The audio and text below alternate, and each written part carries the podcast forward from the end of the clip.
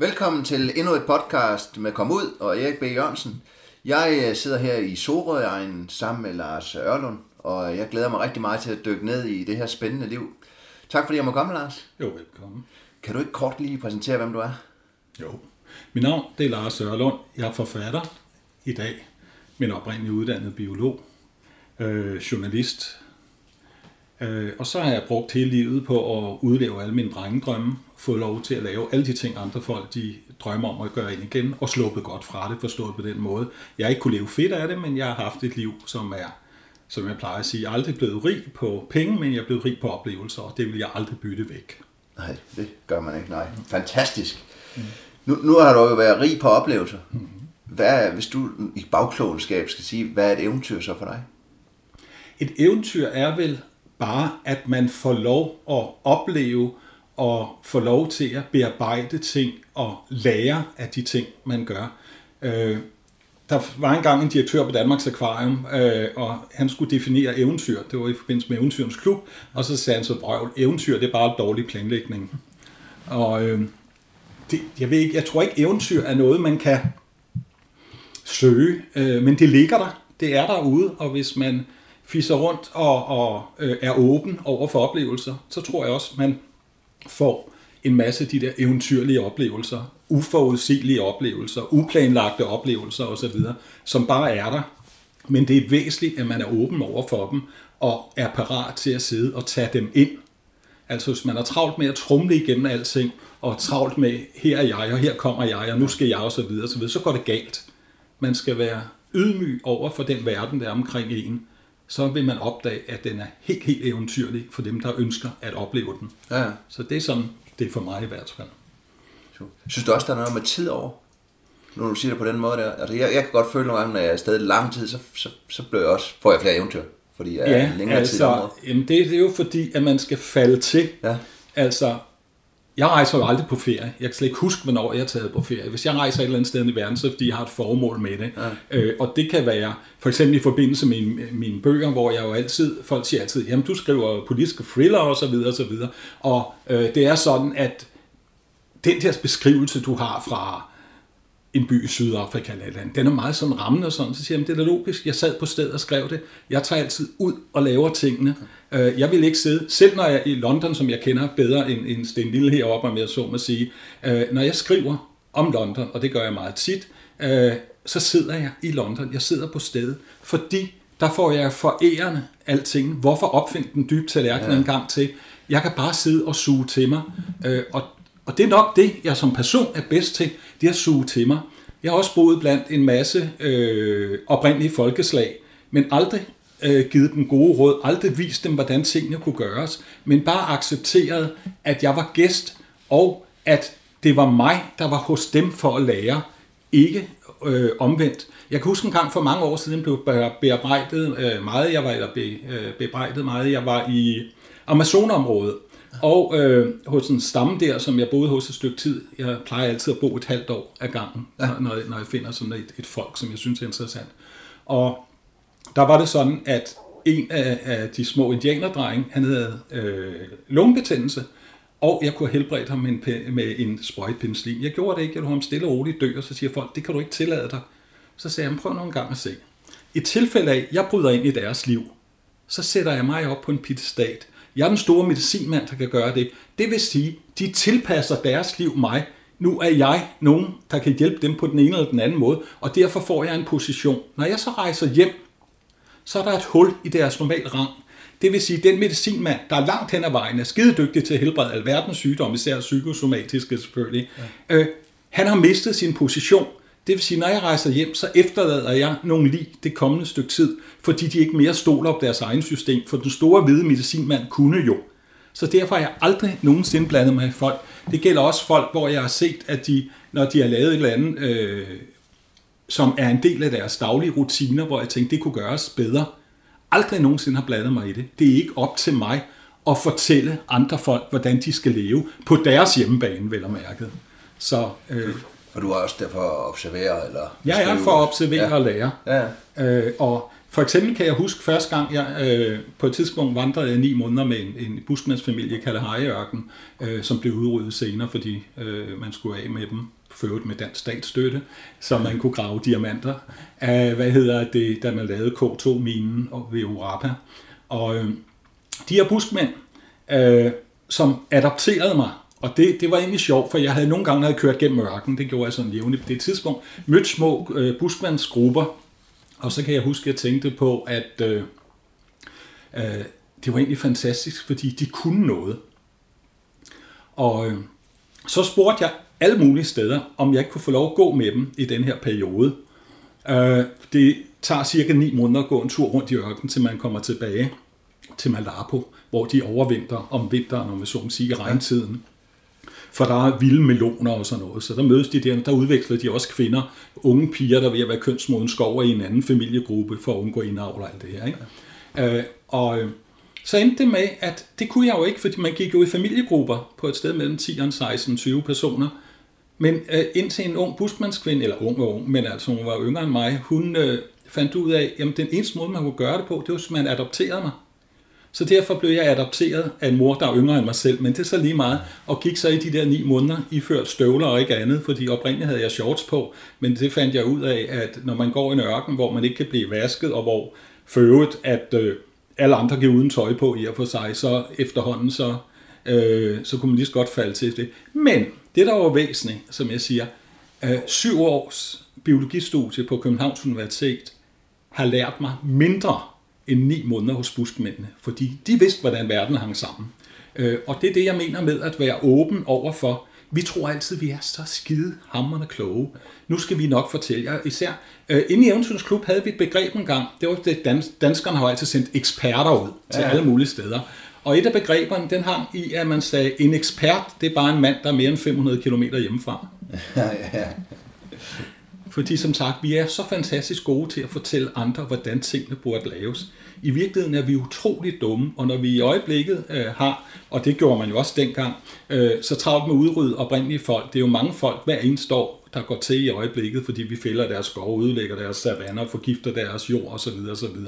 Øh, når vi gør det, så det vi i virkeligheden gør, det er, at vi skyder os selv i foden, fordi vi brænder jo biblioteket af, Ja, vi forståelsen vi, for dyreliv og hele, planter. Hele den viden. Husk på, hvis man tager buskmænd, som har levet i, i, i et ørkenområde i 65.000 år. Hele den viden, som de har samlet i 65.000, der findes jo ikke primitive mennesker, jo, det findes masser af, men det har ikke noget med stammer eller kultur eller noget at gøre. Øh, og det vil sige, de er nået den højeste, det højeste udviklingstrin overhovedet under de geografiske forhold, som de lever under.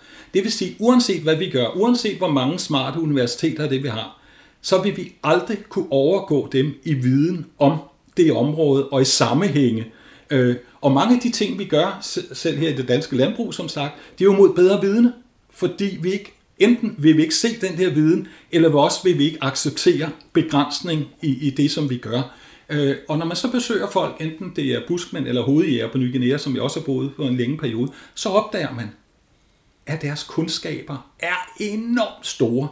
Og så, som jeg sagde øh, på et tidspunkt, hvor, hvor jeg lavede nogle, nogle udsendelser om øh, buskmændene dernede, da jeg jo altid havde min lille negrabåndoptager med, øh, så øh, kan jeg huske, at, at øh, jeg sagde, og det var der nogen, der undrede sig over, at hver seksårig buskmandsbarn vidste mere om naturlig sammenhængen end en professor inde på Københavns Universitet. Og det mener jeg. Ja. De er også mere seks år der. Ja, ja. I, det jo. Jo, jo, for ja. ellers ville de ikke kunne fungere. Nej, nej. Det er et spørgsmål om at, at dø eller overleve. Ja. Øh, og det er det, jeg mener er meget vigtigt, og derfor er det vigtigt, at vi jagter og lærer.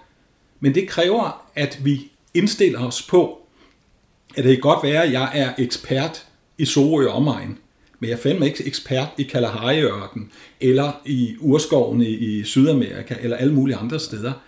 Der er jeg en novice, som skal åbne øjne og ører og lære. Fordi de mennesker der, de ved alt om det der. Ja. Hvor, hvor startede den der eventyrlyst fra? Er det fra hjemmet, eller? Nej, det er svært at sige. Nu har jeg haft et fantastisk god barndom. Jeg er øh, opvokset en del af året op i, i Nordsjælland, lige oppe ved Gure skove. Ja. Og øh, jeg ved, at allerede som 12-årig, der forsvandt jeg i skoven, måske kl. 4 om morgenen, og så sad jeg og kiggede på rævegrav ja. og alt muligt. Så jeg altid været Jeg havde en lille, en lille lejr ude på en ø i, i Guresø, øh, hvor jeg skød et par ender en gang mellem og sad og stikte ude. Øh, og mine forældre har sikkert været dybt, dybt bekymrede den her underlige snegl der. Øh, men i virkeligheden øh, opstod det ved et øh, fuldstændigt tilfælde. Øh, da jeg var færdig med regeleksamen, øh, så havde jeg i, i løbet af det sidste år, der havde jeg skrevet en stil om Aborigines i Australien. Og øh, så tog jeg hjem til min far og mor, inden jeg blev færdig selvfølgelig, og så siger jeg til dem, når jeg er nu færdig her til sommer, må jeg så ikke tage til Australien og kigge på de der Aborigines, for sådan nogle vil jeg da gerne se. Ja. Og de sagde ja, ja, og de har jo ikke hørt efter, hvad jeg sagde selvfølgelig. Ikke? Og, det var i 65? Ja, ja, og med de lommepenge, jeg fik, kunne jeg kunne nå til kursør, så det havde sgu ikke gjort nogen forskel. De tænkte, ja, ja. Nej, men så øh, gik jeg ind til ØK, fordi jeg vidste, de sejlede på og øh, tog hyre på en båd.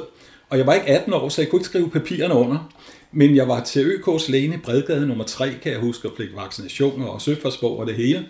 Og øh, så øh, den dag, jeg var færdig øh, med den eksamen, vi sad hjemme, drak glas hvidvin og spiste en mad af en eller anden slags, så siger jeg til min far og mor, øh, I skal selvfølgelig lige skrive nogle papirer under.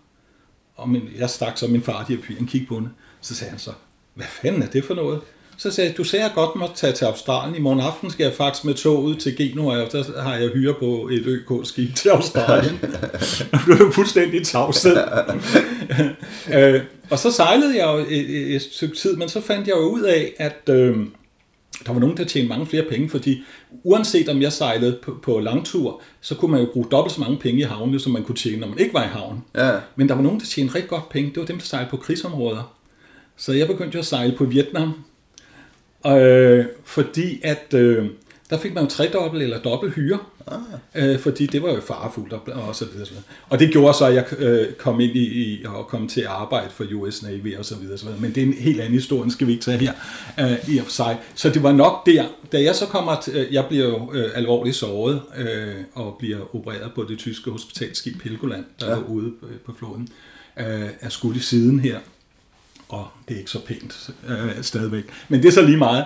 Øh, og der sker så det, at jeg, øh, da jeg kommer tilbage til Danmark, øh, fordi at øh, noget skulle jeg jo lave i og for sig, og, og jeg havner så, øh, tager studenterkursus for dispensation, og det vil sige, at jeg begynder senere, og halvanden år efter, jeg er så student, så søger jeg ind på Københavns Universitet ja. øh, og læser biologi. Men jeg var jo blevet afhængig af, af det værste narkotika, man kan være blevet afhængig af overhovedet. Øh, jeg var blevet adrenalin-junkie. Ja. Og det betød, at øh, det var sgu ikke nemt at sidde stille i 6-7 år og, og læse. Men så snart jeg var færdig, så skulle der ske noget. Og så begyndte jeg at søge ud igen. Ja. Hvad? Nu gik du på universitetet der fra mm. 69 og frem. Ja, ja. Og, men, men da du for eksempel var i Vietnam, var det, var det, det var før. Ja, det ved jeg, det var 66, ja, ja, ja. men var du i den amerikanske her, eller var du som ja. løsansat? Jeg var løsansat under den amerikanske her. Som, som ligesom der er OK, eller øh, besejler nogle, nogle ruter, så sejler ja, du simpelthen på et civil? Ja, nej, ikke på civil. Jeg sejlede blandt jeg var også på en kanonbåd på et ja. tidspunkt. Men som, øh, som, som civil ansat? Ja, ja. Nej, jamen, det, det, det, det er svært, fordi amerikanerne havde faktisk... I Vietnam, da man var flest derude, 540.000 mand eller sådan noget, jeg kan ikke huske tallet. Jamen, det der, der, der, der var det faktisk sådan, at der var 70.000 udlændinge, der var 10.000 australske soldater ja. alene, der var, og der var, vi var to danskere i hvert fald, den anden han blev skudt derude. Uh, så så det, var, det var lidt svært det der. Ja. Vi, var, uh, vi var ikke noget, uh, fordi vi var jo ikke en del af det, men, men ja, uh, vi fik jo en, en normal tre måneders militærtræning ja. På, på en base i, i det ja, ja. ja. Uh, så det var egentlig uh, spøjst fordi vi, vi vil jo aldrig, vi vil aldrig kunne få medaljer, vi vil aldrig kunne noget ja. og så videre. Ikke? Øh, men jeg plejer at sige, det jeg lærte i den tid, som var meget, meget vigtigt, det var historie i knæhøjde. Ja. Jeg opdagede mine beslutninger. Jeg kan give dig et tilfælde. Det vi ikke forstod, det var, at man blev konstant læset et eller andet sted det, det og det, det er Vietkong hele bunden, de skulle udryddes. Ja. Og det forstod man ikke, fordi når man sad i Europa den der skide høj, så blev man trukket tilbage en uge, 14 dage efter, og så blev man sendt til et andet sted. Og der var ikke noget som helst logik i det. Det tog mig 30 år at opdage, hvad der styrede det der. Sådan. En gang sad jeg nemlig på et bibliotek i, i USA, et politisk bibliotek, og, og kiggede efter noget helt andet. Og så opdagede jeg, at McNamara, som var forsvarsminister, Han havde en matematiker ansat, der havde fundet ud af, at hver gang vi dræbte 20 vietnamesere, så dræbte de kun en amerikansk soldat.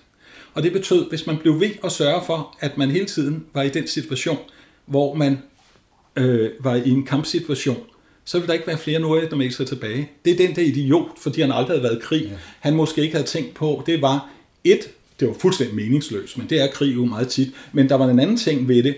Øh, Ho Chi Minh var jo fuldstændig ligeglad om sådan den sidste nordvietnameser var blevet dræbt, for vi slog jo ikke mod sydvietnameser. Det hed det så, da vi kom hjem, at vi slog kvinder og børn ihjel. Ja. Så man siger, hvem forsynede de kvinder og børn med våben? Ikke? Ja. Det var sådan en helt anden ting. Øh, men det, der var ved det, det er, for jeg har snakket med en vietnamesisk politiker mange år efter. Jeg sagde, nu er jeg blevet bebrejdet altid, at vi slogs mod en sydvietnamesisk oprørsher. Så sagde han, sydvietnamesisk oprørsher. Du tror sgu da ikke, vi havde accepteret en konkurrerende her i Sydvietnam. Det var sgu da nordvietnamesiske soldater. Så sagde jeg, som det har jeg også altid fået at vide, sagde jeg så.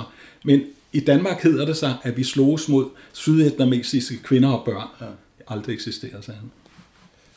Men, men det, så er det jo sjovt, så kommer du jo hjem på universitetet ja. lige i en øh, brydningstid, hippie-tid.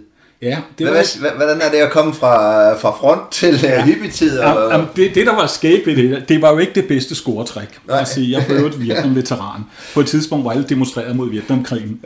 Men der var en anden sjov ting, fordi at, øh, hvis man, man kan sige sådan, at på det tidspunkt, der begyndte man jo at, at fremavle meget bløde mænd.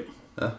Og pigerne ville jo helst have en blød mand, der stort set kunne gøre alt fra at skifte blæ til alt muligt andet. De var så søde Men det var aldrig de bløde mænd, de sprang ved siden af med. Nej, nej. Så, så samlede de jo også mandsjuvenister op. ja, det var, det var... Og, og, og det fungerede jo så glimrende øh, i og for sig rundt i kollektiverne og rundt i sådan og sådan. Ja, ja. Så var du faktisk spøjst. Men øh, jeg kan huske, jeg havde en diskussion på et tidspunkt, om det var på, ja, det var nok på universitetet, hvor der var en eller anden, der opdagede, at jeg havde den der baggrund. Det var aldrig noget, jeg gik og snakkede om. Men opdagede det og sagde, ja, men I slagtede bare kvinder og børn.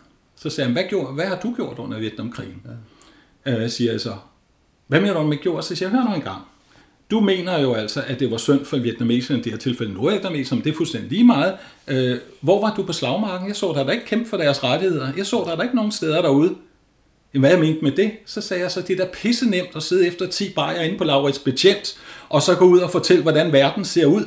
Det koster jo ikke noget, siger jeg så. Det kan jeg da ikke have nogen som helst respekt med, øh, for. Du kan demonstrere lige så meget inde på Kongens Nytorv, eller hvor du gør. Det er fuldstændig ligegyldigt. Havde jeg mødt dig ude på slagmarken, så havde du haft min dybeste respekt. Også selvom det havde været en kampsituation, hvor jeg måske var blevet slået ihjel af dig. For så havde du trods alt vist, du havde nosser nok til at sætte andet end ord på. Men det der med at brække alt muligt øh, pis op, øh, om, omkring, hvad der er rigtigt, og hvad man burde og så videre, så det kan jeg ikke bruge til en skid. Så det kan jeg huske, den der diskussion ja. er meget. Det er også et sjovt træk. Og så har du fået øh, udlængsel, sagde du, og ja. brug for adrenalin. Ja. Og så kom du, øh, begyndte du at rejse? I...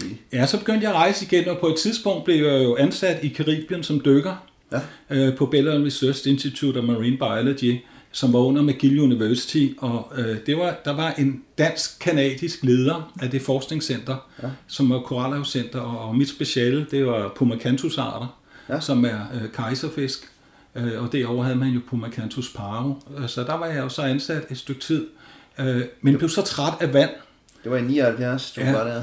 Ja. Og grunden til, at jeg blev træt af vand, det hang simpelthen sammen med, at øh, jeg... Øh, jeg dykkede hver dag. Jeg var op til syv timer om dagen under vand. Hold. Øh, og begyndte dybt om morgenen. Min dybeste station lå omkring 100 meters dybde om morgenen på blandingsgods. Og så øh, i løbet af dagen på lavere og lavere vand. Så, så du var klar til at komme op igen? Ja, ja, så var jeg klar. Og jeg skiftede jo. Ah, jeg hang jo den sidste, den sidste time hang jeg jo 6 meter under overfladen i en, i en løkke og glod ud i luften. Ja. Øh, for at undgå for dykkersyge selvfølgelig. Øh, men øh, på et tidspunkt kan jeg huske, at jeg vågnede op, og jeg var utrolig forkælet mig så en amerikansk dykker, der hed Alex, for vi var de eneste, der kunne dykke dybt. Uh, hvad hedder det? Og det betød, at man havde brug for os, så vi havde jo specielt diæt. 5.600 uh, kalorier om dagen i primært protein. Uh, vi havde en massøse, uh, som blev sendt ned til os, fordi vi sagde, at vi havde kronisk uh, problemer med ledermuskulatur. Men bortset fra det, så kan jeg huske, at jeg en dag vågner op, og så kigger jeg hen på væggen, der hænger min øh, regulator. Ja. Eller resten, det, vi havde jo teknikere til at tage sig ja. af det hele, men min regulator, den har jeg altid holdt fast med, fordi min livsline, ja. den skal jeg med mig have styr på. Og så kan jeg huske, at jeg kiggede op på den og sagde, nej, ikke en dag til. jeg var så træt af vand. Ja. Og det var jo en af grundene til, at jeg så havner i Afrika så langt øh, fra vand overhovedet jeg kunne, ja. og bliver for øvrigt statsborger i Rwanda øh, på et tidspunkt. Men, men allerede inden da havde du også været i Afrika? Ja, ja. Jeg havde været i Afrika som storvildsjæger. Ja. Hvordan, hvordan, hvordan kan det være, at, at, du, var det et tilfælde, du det lige så? En, det, det, var, det var fuldstændig et tilfælde, ja. altså. Hvad, hvad skal jeg så lave? Nå, men jeg prøver det, ikke? Det var... Altså, jeg fangede jo vilddyr i forvejen. Jeg havde en kontrakt blandt andet med Zoologisk Have og Danmarks Aquarium, sådan, at jeg fangede vilddyr til dem rundt omkring i verden. Og der var Afrika jo et oplagt øh, område. Var det stillinger på da du studerede biologi, ja. at, at så kunne man Ja, nej, det var sådan, at øh, mens jeg studerede biologi, jeg kendte øh, både Zoologisk Have dels godt i Danmark, ja. og jeg kendte Danmarks Aquarium, altså øh, de forskellige direktører, der var på ja. det tidspunkt, øh, og sagde, eh, hvis du er ude i korallen, vi står lige og skal bruge sådan og sådan og sådan. Og så lavede jeg simpelthen en, en, en fast aftale, okay, jeg kan sende 100 kilo fisk derfra, eller jeg kan sende... Øh, i Zoologisk Have havde man på et tidspunkt en meget, meget stor, kæmpe stor pythonslange. Ja. Den er jeg fanget til dem i Indonesien, og så videre, og så videre. Ikke? Øh, og det var ikke noget, man blev rig af, men det var skideskægt. Men, men da du gjorde det første gang, lavede du så bare en kontrakt, og så håbede ja, ja, du kunne fange lortet? Ja, ja. Der, lavede, der havde jeg ikke en skid forstand på det. Der tænkte jeg, det må kunne lade sig gøre. Blandt andet de store kakkeduer ja. øh, inde i Zoologisk Have har jeg fanget til dem. Øh, og sådan. Og øh, man lavede gode ting og dårlige ting, og nogle gange gik det galt, og nogle gange døde krener og så videre, ja. og så videre. Men man lærte det efterhånden. Øh, så det, det havde gjort meget, øh, leveret meget. Og det blev så også til andre zoologiske haver i Europa efterhånden. Men, øh, Men så i årene op til døden, der var der både Afrika, Asien og rundt, og primært ja, ja. det. Men du begyndte også at, at arbejde som journalist. Hvordan kan det? Jamen, det var fordi, øh, på et tidspunkt for mange år siden, der sad en, en, en øh, mand inde på Danmarks Radio, som hed Bob Ramsing. Ja. En gammel journalist og han siger til mig på tid, vi, jeg tror, vi var til et eller andet party sammen. Så siger han, du ved du hvad, jeg skal sende hele nytårsmorgen. Kommer du ikke ind og sidder og sluder? siger nytårsmorgen for fanden, siger jeg. Så hvis jeg er ude i nytår, så kommer du bare ind med tømmermænd, hvis det er det, siger han så. Men jeg har sendefladen fra 8 til 12, altså jeg kan slet ikke huske, hvornår det var. Og så kom jeg ind, og så kom vi til at snakke om alle mulige ting, så siger han så, ved du hvad, du skal sgu da have en fast båndoptager for helvede. Øh, og så har du besøgt det folk og det folk. Hvorfor har du gjort det? Det havde jeg lyst til. Altså, jeg har aldrig sådan tænkt nærmere over det. Så sagde han så, ved du hvad, vi skal til at lave en fast kontrakt her. Og de følgende 10 år producerede jeg jo tonsvis af blandt andet for orienteringsredaktionen på Danmarks Radio, ja. øh, blandt andet fra krigsområder. Ja. Øh, og det var så morsomt, fordi at øh, de der, sådan, det skulle bare lige være nogle få, og så videre, og så videre. Ja, ja. Men det blev til flere og flere udsendelser, øh, og jeg har som sagt produceret både radio og tv. Øh, men altid øh, haft en kant, og altid også øh, haft problemer med ledelsen ind på Danmarks Radio, fordi jeg var for kontroversiel. Jeg også sagde de ting, der ikke måtte siges, Aha. og så videre. Og sådan var det jo også, da vi i, i, for ikke så mange år siden, 2000, da vi lavede Kap til Kilimanjaro, som er Danmarks mest sete rejseserie, mest diskuteret. 48 procent af alle danskere sad og så den. Den var diskuteret tre måneder i aviserne. Den havde en, en, en, en rating på 4,3 eller sådan noget ud af 5.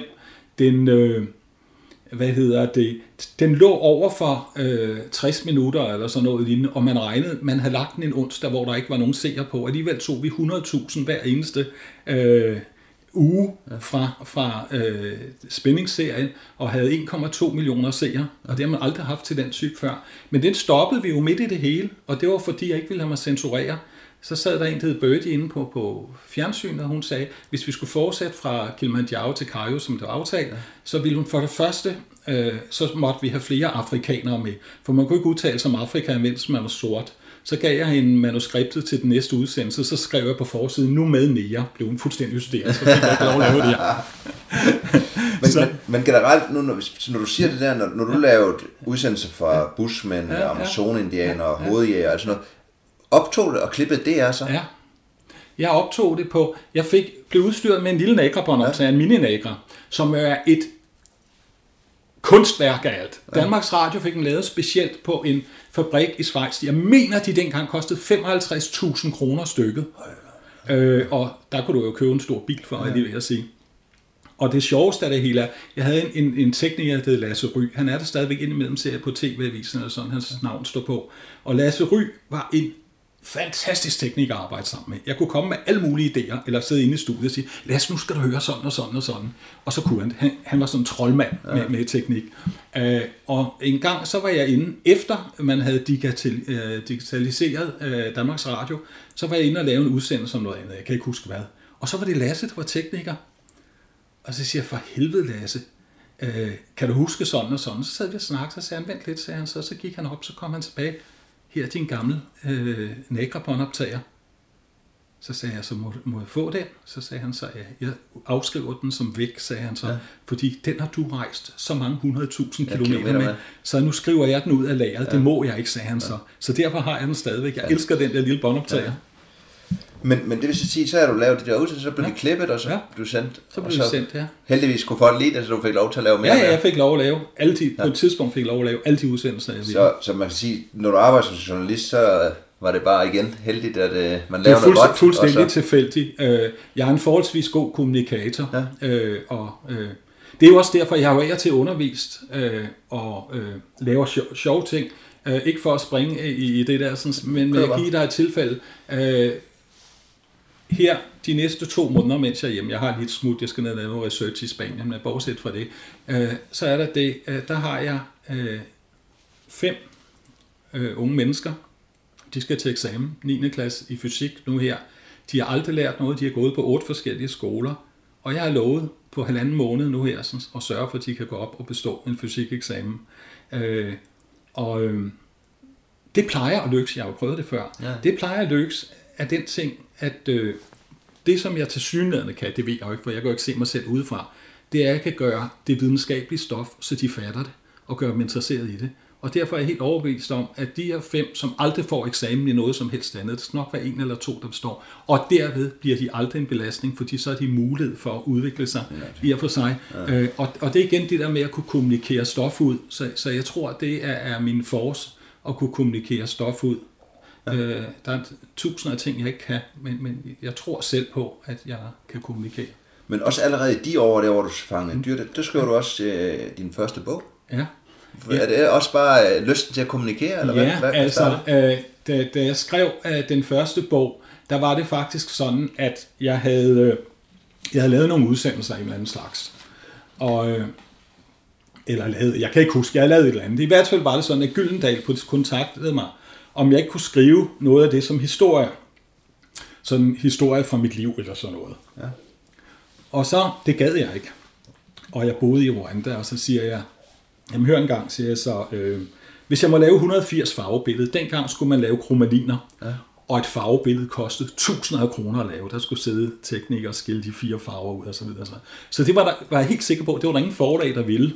Men så var der bare det, at øh, der var en, en mand, der hed Preben Torup, som havde et forlag, der hed Torups Forlag på et tidspunkt, og han siger så til mig, øh, jeg har hørt, at du har stillet det krav, jeg vil gerne lave sådan en bog. Og så var jeg jo egentlig fanget i det, og så skrev jeg den ja. i og for sig, øh, og fik trykt en masse billeder i, og sådan noget, en, en flot bog. Det er en bog, jeg meget gerne i dag ville have været foruden at skrive om, fordi at jeg var ikke den store skribent ja. i og for sig. Øh, men den, øh, den øh, kom ud, og så videre, og så videre, og så, så tog det ene det andet. Og nu er jeg jo skrevet men, omkring 20 bøger. Men allerede før din første bog udkommer, ja. som jeg kan se i ja. der skrev du også noget om raceproblemer. Ja, i Malaysia. Det var fordi, jeg i 74 bor i Malaysia ja. på en, en periode.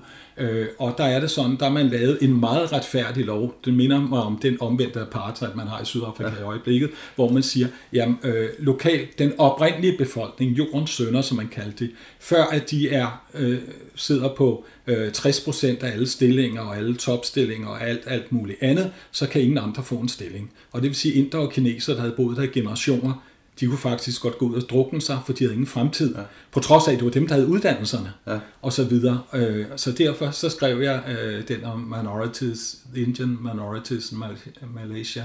Øh, og øh, det, det var simpelthen ud fra det der, og jeg blev for øvrigt udvist af Malaysia, mens jeg sad og arbejdede på den.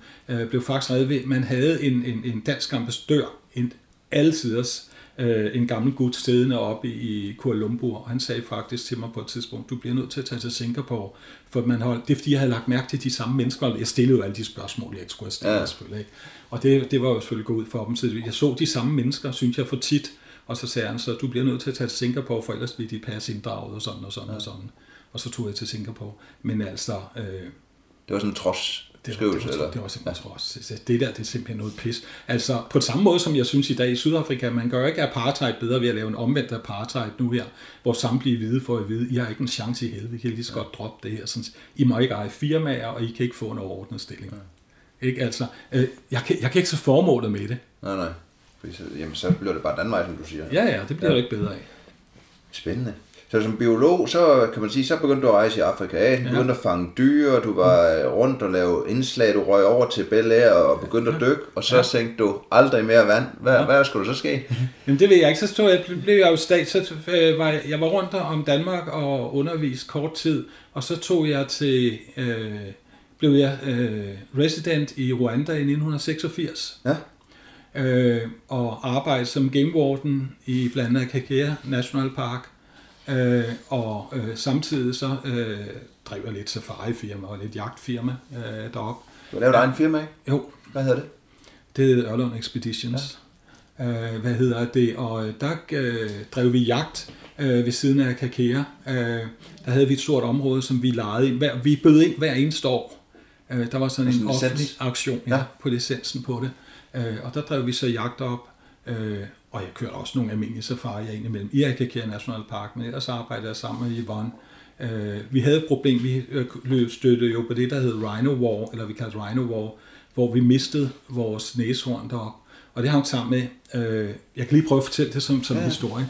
En dag så sidder jeg ude ved min lejr, ude ved, ved øh, Akakea, sumpen, og øh, så ser jeg sådan i det fjerne pludselig et, et par billygter. Der kom aldrig nogen i det område, skal det siges. Ja. Så var to muligheder. Enten militæret, og det var noget rigtig lort, eller også krybskytter, det var lige så meget lort. Under alle omstændigheder, så øh, lægger jeg aske hen over bålet, øh, og så øh, tager jeg min rifle, og så stiller jeg mig ind i et buskads. Og så går der et kvarter, så ser jeg de her hoppende billygter gennem natten, og der er jo ingen, der er ingen veje eller noget, så det er en, der kører i mit eget hjulspor og så kører der en, en stor Land Rover ind øh, i, i min, min teltlejr der, sådan stopper ved siden af bålet, og ud stiger der en lille mand. Jeg kan ikke helt se det, for det er halvmørkt, men altså det er sådan en halv fornemmelse af halvt det. Men så er han skide smart, for så går han hen og mærker på bålet, og så vender han sig om, og så siger han så, Lars, jeg ved, du er et sted herude. Kom ud, jeg vil tale med dig. Det var Verhylst. Verhylst var en gammel ranger, hvis familie oprindeligt var en minefamilie, dernede belgisk minefamilie, men som havde, som styrede Akakea National Park, som var en af verdens bedste nationalparker. Ja. Og øh, så siger jeg, hvad drejer sig om? Så siger han, så vi mister alle vores næshorn.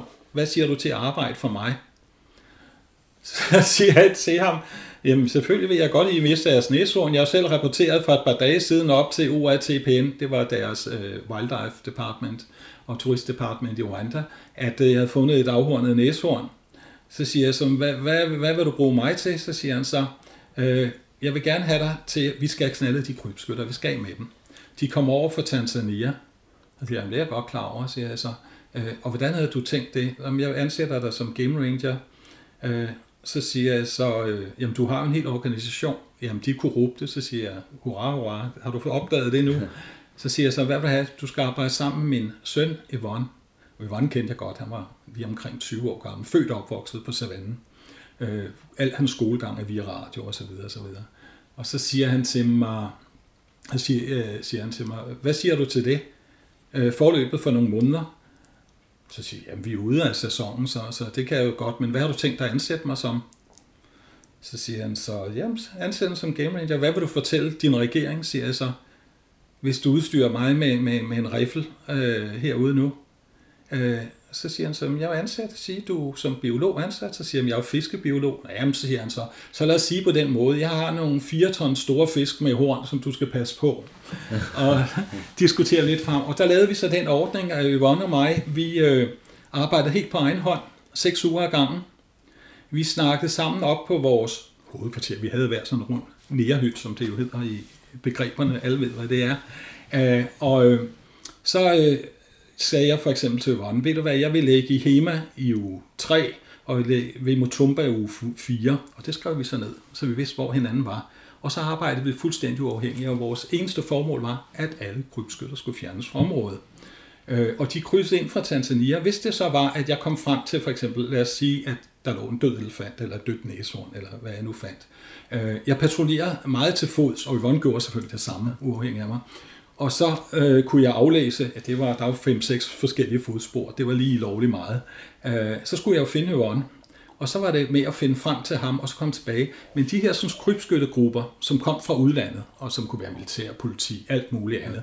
Husk på, og det glemmer man, handel med truede dyrearter er den anden største kriminelle indtægt i verden. Vi snakker om 120 milliarder kroner. Øh, og det er meget, meget sofistikeret. Det er ikke spørgsmål sådan Morten Cox, en stakkels krybskyt, der skal noget leve af. Glem det, jeg ved godt, at dem vi skød, det var det laveste lag. Men det var for at gøre det så dyrt, så de ikke kunne få folk ind i bunden. Vi kunne ikke få fat i kineseren, eller vietnameseren, eller hvem der sad bag det hele. Eller diplomaten, der arbejdede i Zimbabwe, men kørte rundt med sit diplomatpas og ikke kunne røres, osv. osv. Øh, så jeg følte ved at skrive en bog, der hedder Run, Rhino, Run, omkring alle bagmændene. Øh, skriv dem som spændingsbog Øh, men altså, hvor alle bagmændene med navnsnævnelser, det hele står ja. bag hele den handel i øjeblikket. Men det er sådan en helt anden ting. Øh, så, øh, så fik jeg fat i Yvonne, og så var det øh, sammen ned til Akakæresumpen, for vi vidste, at de skød aldrig kun et dyr. Nej, de skulle have en De skulle have flere, ja. ja. Og det betød, at de havde slået sig ned på nogle af de små øer ude i sumpen. Og så stillede man sig så stille og roligt øh, med en kikkert, øh, og så havde vi øh, en motorbåd med, og så havde vi fire soldater. Og de fire soldater fik 10% af, hvad vi beslaglagde. Det var dybt ulovligt og alt muligt andet. Det var fordi, vi skulle bruge dem til at padle vores motorbåd. Vi kunne ikke starte motoren, for så ville de vide, at vi kom. Og i de her sådan store papyrusumpe.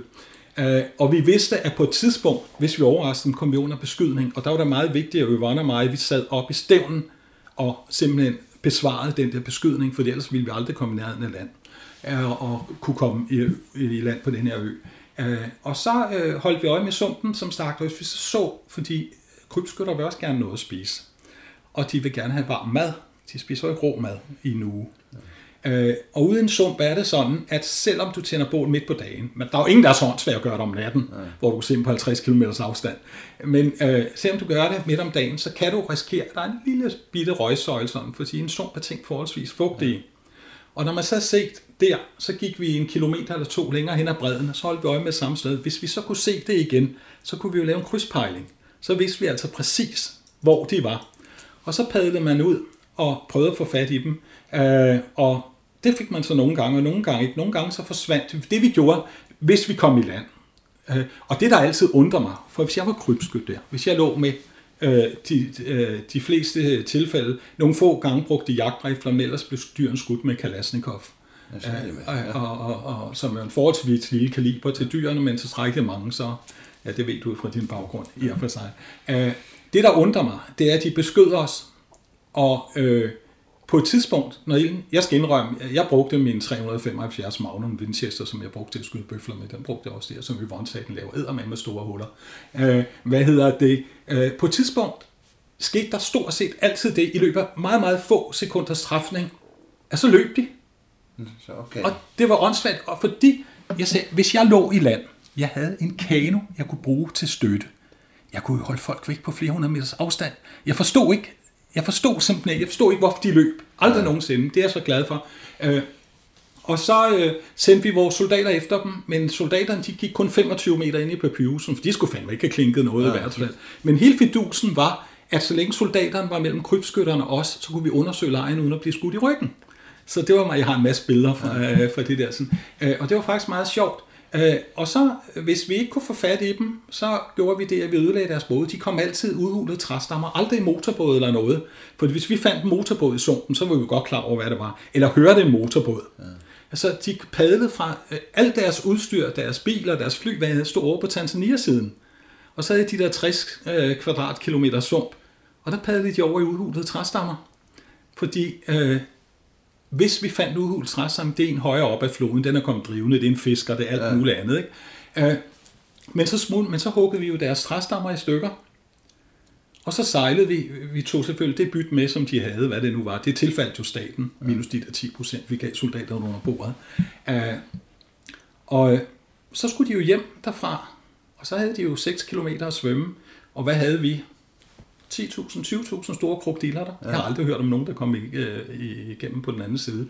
Og så siger folk, jamen det var da ondskabsfuldt, og I kunne da ikke tillade at både være dommer og bødler og det hele. Jo, det kunne vi. Fordi i lige begyndelsen, da vi gik ind i det der, der prøvede vi faktisk, fik vi fanget nogen. Men folk tror altid, det er nemt at fange folk. Det er ikke nemt at fange folk, der er bevæbnet med automatvåben. De må være åndssvage ja, ja. i og for sig, ikke? Især det er så også trænet folk. Ja, ja. Og så er der det ved det, at øh, det vil jo tage 10 minutter at blive løsladt af politiet. De betalte sig der bare ud, eller deres bagmænd betalt. Så vi gad sgu da ikke være til grin. Og skal det til siges, fra 86 til 94, hvor jeg arbejdede dernede, der mistede jeg faktisk seks ranger, som blev myrdet af krybskytter der. Altså, lige falder over dem ja, ja. Så, så, så øh, derfor, øh, så, så var det jo sådan en, en tovejs, øh, og jeg kan huske folk, øh, jeg har jo tit blevet bebrejdet, at man kunne ikke tillade sig. Folk har jo noget specielt ved at slå. Man må ikke slå mennesker ihjel. Man må godt slå alle mulige dyr, der aldrig har gjort der en ja, ja. Men at slå et menneske ihjel, uanset om det er et røvhul, der aldrig har burde have lov at eksistere. Og du må stadigvæk huske på, øh, her, mens jeg var i øh, Namibia her i, i vinters, der mistede vi 78 næsehorn alene op fra Etosha. Sidste år mistede Sydafrika 1500 næsehorn. Og det betyder, at om fem år findes der ikke næsehorn. I øjeblikket, som vi sidder her, forsvinder der fire næsehorn og 100 elefanter om dagen, takket være de kinesiske bagmænd og vietnamesiske bagmænd.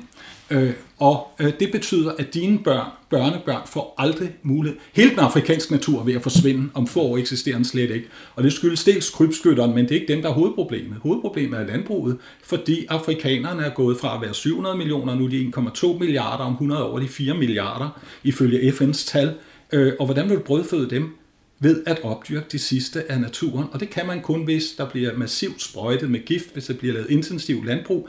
I størstedelen af de afrikanske floder er der ikke en fisk tilbage, der står garn alle steder. Folk skal jo leve, mm. og så videre, så videre. Så det er i virkeligheden vores, det landbrug, som vi prøver at eksportere til afrikanerne, for at lave intensiv landbrug, for at kunne brødføde deres 8-12 børn. Ja.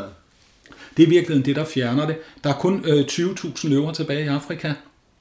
Der er 80.000 giraffer. Alle dyrene forsvinder. Der er ingen fugle der. Øh, I Namibia alene, der har vi haft fem store kolonier af Cape Vulture. Øh, der er kun én koloni tilbage, fordi man lægger forgiftet kød ud til dem. Og ligesom vi har diskussionen herhjemme med ulve, uh, de må ikke være der, selvom folk ikke har fattet en skid af sammenhængen. Øh, øh, ulve er en garanti for sundt vildt i Danmark, men det er så noget helt andet. Det er stort vildt. Ja, ja. ja. Øh, og øh, hvad hedder det? Og på samme måde har man i Afrika man vil ikke finde sig i, fordi nu har jeg 12 geder, og der må ikke komme en løve eller en leopard og tage dem. Og jeg kan godt forstå det for manden, men samtidig skal du bare huske på, vi kan jo ikke udrydde alt liv i verden, øh, fordi at vi som mennesker boller os ud af enhver fremtid, for det er jo det, vi gør. Ja, men det er jo det, det handler om, fordi hvis man ikke har mange, så kan man ikke få sin egen alderdom. Nej, nej. Så det, det er jo en undersøgelse. Øh, du skal på et tidspunkt læse den af mine bøger, der hedder Blackjack, øh, som er øh, skrevet øh, omkring øh, overbefolkningen. Det er alt, det er en thriller, ikke? Ja. Men øh, øh, alle mine bøger øh, i, i, i den serie øh, handler om den engelske efterretningstjeneste og deres måde at løse problemerne på. Ikke altid lige demokratisk, men praktisk. Men man har også set nu, når vi snakker om NATO, ja. der er der nogle steder, hvor de for det mindste er begyndt at bruge hæren også noget mere effektivt. Jo, men problemet er, at den er pisse korrupt. korrupt så de kan sælge det andet. Ja, ja, men det er jo ja. det, de gør af soldater. Øh, vi mistede jo de sidste af vores næshorn i Akakea i 94 under borgerkrigen, for der gik soldaterne jo ind og skød alt, hvad der var. Ja, så kunne de tjene nogle penge. Ja, ja. Og du må huske på, alle de der så kendte oprørsbevægelser i Afrika, vi altid tager i, hvor er det godt, og de sætter sig op mod diktator sådan. De har jo altid finansieret alle deres våben ved hjælp af elfenben og næshorn. Det har man altid gjort. Og det gør man stadigvæk i og for sig. Så, så det er altså...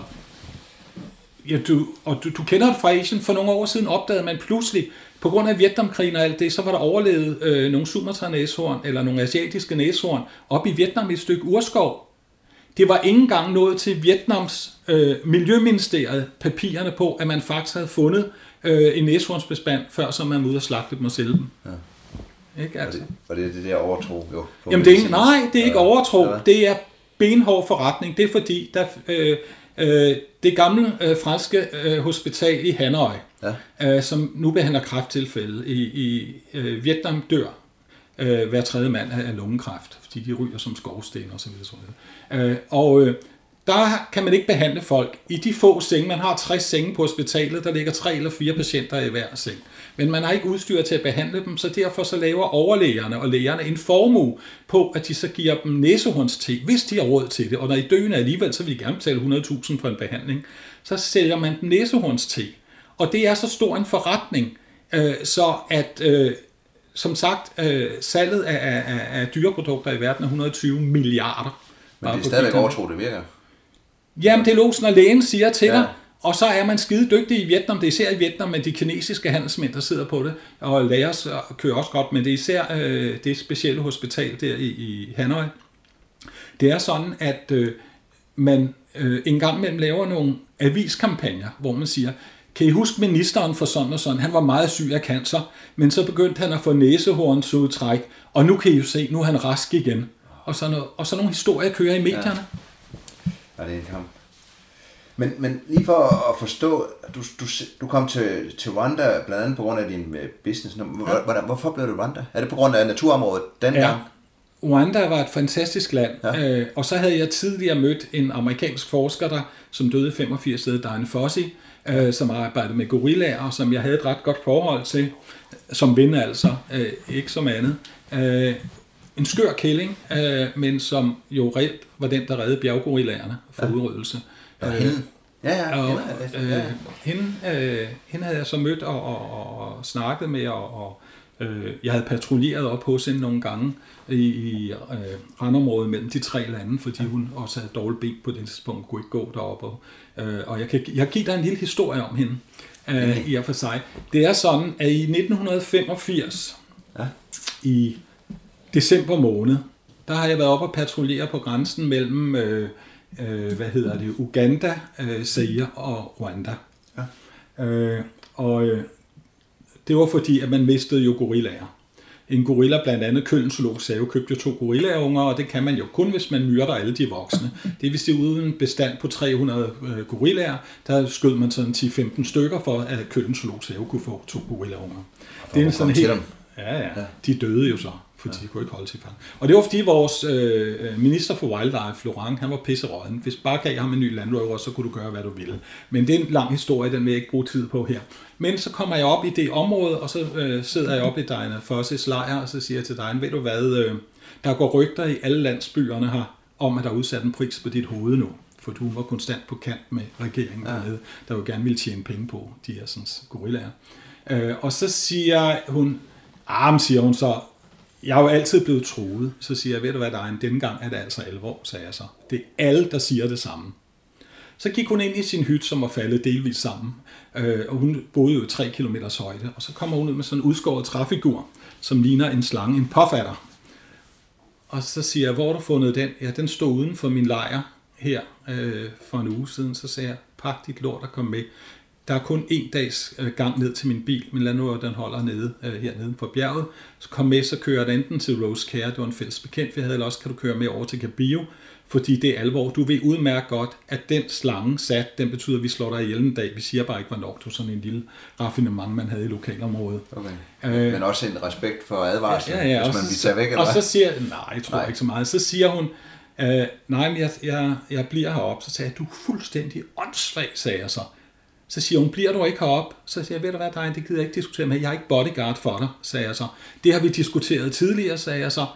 Vi har en regel, den gælder for dig, den gælder for mig, den gælder for Yvonne, den gælder for alle mulige andre i området. Klar dig selv eller forsvind, siger jeg så. Og så kigger hun lidt, siger hun, jeg har ikke smukt her. Så siger jeg, jeg gider slet ikke diskutere det med dig. I morgen går jeg her fra din lejr og ned til min bil og kører tilbage til Cabio. Så sidder hun lidt, så siger hun så, jeg kommer ikke med. Så siger jeg, du kraft den åndssvag. Og hvorfor ikke det? Nej, jeg kom til at tænke på, sagde hun så. Der er 6,5 milliard mennesker på jorden. Der er kun 350 bjerggorillaer. Hvad kan være større end at få lov at redde bare en til? Ja. Den 24. til 25. december blev hun slået ihjel, mens hun sov i sin hytte i det flækkede en sode med en stor machete. Ja. Ja. Hun blev, øh, hun blev, jeg beskyldte så Laurent for det, og det betød, at jeg måtte smutte meget hurtigt ud af landet. Ja øh, og kom først tilbage, da han var gået af som minister. Øh, hvad hedder det? Øh, hvad hedder det? Men, øh, så jeg var ikke med til hendes begravelse, men hun blev begravet op ved sin hytte, og der lå Digit. Det var så nogle år tidligere, der havde man fundet en stor handgorilla, en meget klog gammel han. Når man skal være øh, statsminister for en flok gorillaer, så skal man være klog og stærk. Det er to gode kombinationer. Man kunne ønske det samme galt for mennesker. Men det er så helt, noget helt andet. Og han var blevet, der var krybskytter, der var ude efter nogle af ungerne i hans flok. Og de havde angrebet ham, og det havde han opdaget, så han havde bedt hele flokken om at søge højere op i bjergene, og så han spærret sporet, eller dyrevæksten, så krybskytterne kunne ikke komme til at skyde på hans unger, men skød sig slog ham ihjel. Ja. Øh, og øh, hele deres million løb jo derop, den kunne de ikke få fat på, så de huggede hænderne af ham, for de kunne sælges som sort medicin, og hovedet af ham, det kunne nok renses og sælges som, til turister, som sådan gorilla-kranier. Sådan blev han fundet, og han blev bragt op til Diana Fossis lejr. Og hun var rasende, hun hamrede hænderne til blod mod siden af sin hytte, og råbte, hvordan kan mennesker være så onde? For hun var godt klar over, hvad der var sket. Og grunden til, at vi kender historien, det er, at vi senere fangede nogle af krybskytterne. Det er så en anden ja. historie. Og så blev han begravet op ved hendes hytte, der gravede hun et stort hul, og så da hun med jord på, så kiggede hun ned, så sagde hun, det lover dig, Dicket. Som du gav dit liv for at redde din familie, bliver jeg heroppe, så længe I har brug for mig. Og den vendte hun så tilbage til, så da hun døde, så blev hun faktisk begravet ved siden af Dicket. Ja. Øh, jeg kunne ikke være der, som sagt, da jeg var uønsket i landet. Øh, men øh, da Laurent var gået af, så havde jeg fået en sydamerikansk kunstner, eller sydafrikansk kunstner, som jeg kendte til at skære et stort træplade ud med en tekst på, som jeg gik op i bjergene og slog fast på det træ, som stod ved siden af, hvor de var begravet. Og der stod en tekst, der hedder, her hviler to giganter, der hver gav deres liv for, at andre skulle leve. Så det er det eneste, jeg så... Ved, ved du, hvordan det går med bjerggorillaer i dag? Ja, øh, fordi de er blevet en stor turistattraktion. Ja. Så er regeringen interesseret. Folk betaler jo 2.000 ja. for en time hos dem ja. og sådan noget. Og så, så blevet interesseret. Problemet var, at da man begyndte, jeg diskuterede meget med dig for at man ville gerne have lavet i 85 eller 84, ja. at man ville øh, kunne tjene penge på dem, fordi bønderne øh, fældede mere og mere skov, ja. så bjerggorillerne kom til at leve så højt op på vulkanen, så ungeren faktisk døde af lungebetændelse. Så man blev nødt til at kunne vise en insekt, der var større end ved at dyrke kartofler, ja. eller hvad det var. Og derfor ville man gerne få nogle grupper ind, man så måtte bruge til at vise frem til turister. Problemet er, at gorillaer tager ved lære af mennesker. Ja, øh, fordi jagt tager jo lige så meget den vej. Ja. Og øh, samtidig er det sådan, at øh, øh, børnesygdomme, røde hunde og sådan noget, har faktisk slået en del gorillaer ihjel. Fordi at dem tager vi jo med. Ja. Og vi er så beslægtet, at vi kan ja, overføre. Øh, så det har været et problem. Men jeg tror, at gorillaerne er blevet så værdifulde for øh, Rwandas regering, at man beskytter dem nu. Her og også for ja. man sige, lokal turisme. Ja, af hensyn til det. Det var, det var også meget, altså den historie, der jeg snakkede med Henrik, for eksempel ja. også med, med vildområder, hvor at lokalbefolkningen finder ud af, at at ved safari for eksempel, og ved reguleret jagt, kan mm. tjene mere end, end ved de bliver skudt. Langt mere. Lige pludselig. Men, men det satte Verdensnaturfonden jo en kæppe i hjulet for nogle steder. Jeg havde blandt andet en jagt på Sort Letve. Uh, nu snakker du om Henrik nede i hans område, som ja. er det sydlige Zambia. Der havde jeg jagtlicens til. Det stoppede Verdensnaturfonden, for det var ikke rimeligt, at man skød de der, sådan, og der var meget stor bestand, og det var meget vigtigt for de der sumpe dernede ved. To år efter havde Verdensnaturfondens lokalagenter overtaget området og udbød jagt i området. Ej, ja. Så det er så noget helt andet. Ja. Uh, jamen det er logisk, vi havde det samme op hos os, når vi uh, fik en eller anden uh, europæer til at skyde en elefant og betale 55.000 i statsafgift. Så må du huske på, at det var den elefant, der havde jævnet hele den her majsmark med jorden. Så for de indfødte i området, de skulle lære, at den elefant var mere værd end din majs fordi du får pengene. De fik ikke pengene kontant. De fik en ny klinik eller alt muligt ja. andet. Ikke? Så det kan faktisk betale sig for dig at passe på den elefant. Ellers så gav man bare, var man skide glad, når der kom nogle krybskytter og skød den, fordi så ødelagde den jo ikke ens afgrøder. Og efterhånden som mennesket rykker længere og længere og længere, længere ud i naturen, så er der ikke plads til elefant. Der er ikke plads til vilde dyr. Det er jo det, der er problemet fordi man vil jo ikke finde sig i, at der er en elefant, der tramper min majsmark ned. Men hvordan fanden skal den elefant vide det? Den er altid gået og spist, der pludselig står der en majsmark, så selvfølgelig den skulle der majsen, ellers ville den være åndssvag. Man har jo taget maden fra den. Ja. Ikke? Altså, så det er den der balance, men igen det, så længe vi boller os ud af hver fremtid og producerer otte børn per familie, så vil der aldrig være plads. Der vil ikke være så meget sådan fugl og fisk tilbage i Afrika. Hvor fanden skal de være? Ja også man kan sige Kina, som du snakker om, som køber minerettigheder og, ja, og landbrugsjord. Ja, så de har købt kæmpe områder ja, det til at godt. dem selv. Ja, men det er logisk, og ja. det, det afrikanerne er så glade for det, fordi nu kommer der penge ind, de fatter ikke, at de i øjeblikket er, er, har solgt deres egen sjæl, Og de på et tidspunkt ville ønske, at det var de hvide farmere, der var tilbage. Ja. Men det må de jo så selv om. Da, da du var i Rwanda, altså, ja. der boede du der? Ja, jeg boede der en gård. Og... Kabio. Ja, et hus i hvert fald. Ja. Men, men øh... Så kom der en borg ja, i 94. Ja, det var ikke så godt. Uh, det skægste af det hele er, hvis man kan sige det er sjovt, at vi faktisk opdagede, at vi havde 14, nej ikke 14 dage, en måned før, at krigen den brød, der vidste vi, den ville komme, og vi henvendte os til FN og til Røde Kors og sagde, at vi var på vej mod et nyt folkemord. Ja. Og det var fordi, man registrerede øh, øh, tutsierne. Aha, hvor de boede, og hvor... Ja, ja, og hvem der var. Og det er noget vrøvl, for mange af dem er så indavlet, så det, det er sådan meget tilfældigt, ikke? Uh, men det skyldes, at hutuerne, uh, der var det gamle bondefolk, uh, de var jo tre år, uh, eller 300 år tidligere blevet invaderet af Tutsier. Nu havde Hutierne jo selv invaderet og smidt ud, så sådan er det jo ikke. Men uh, øh, de var jo bange for, for Tutsierne, og, og jeg ved, jeg har haft både Hutu og Tutsi øh, medarbejdere, og som jeg siger, det kræver 10 Hutuer til en Tutsi i hver krig.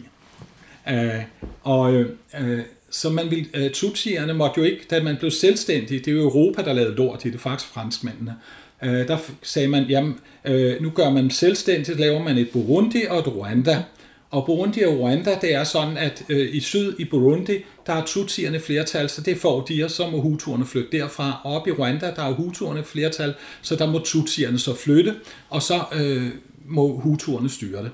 Og hutuerne fandt jo så ud af, at øh, de øh, tutsierne, hvis de blev indkaldt til hæren, så fik de kun en spade. De skulle fandme ikke have våben, osv. osv. Ja. Øh, men tutsierne var rigtig smarte, for tutsierne har altid været veluddannede. Og det vil sige, at de sørgede for uddannelse til deres børn. Så det man opdagede nu, det er en meget firkantet måde at fortælle det på, det er op til 94, det var, at tutierne faktisk stille og roligt ville få magten, for de var de eneste, der kunne regne og læse osv. Så, videre, og så, videre. så det var noget rigtig lort. Og da Juvenal så, han så kom flyvende, så skød hans egen her, hans fly ned, og sagde, det er tutsierne. Øh, det er en revolution imod øh, Hutu-styret og så videre, og så havde man jo det der sådan, radioen hver morgen, kom nu på arbejde, slå nogle tutsier ihjel. Og jeg oplevede i de der tre måneder, for jeg var der jo under øh, det, at øh, ja, man slog 10.000 mennesker ihjel om dagen. Man nåede at slå 800.000 mennesker ihjel ja, på tre måneder. Vildt. Men selv børn løb rundt med machetter og slog deres kammerater ihjel, som havde hidtil været kamp, for de var tilhørt den forkerte stamme. Og som sagt, en måned før vi gjorde både Røde Kors og FN, der var ingen, der ville høre på os. Man havde en hollandsk, FN havde så sidst sendt en hollandsk øh, deling derned af FN-soldater, de havde bare fået at vide, at de måtte ikke skyde. Ja, ligesom Bosnien. Man så det var fuldstændig, fuldstændig til grin. Ja. Og jeg kan huske, jeg snakkede med den major, det var en hollandsk major på et tidspunkt, midt under borgerkrigen, og siger, så gør for helvede noget, siger jeg så.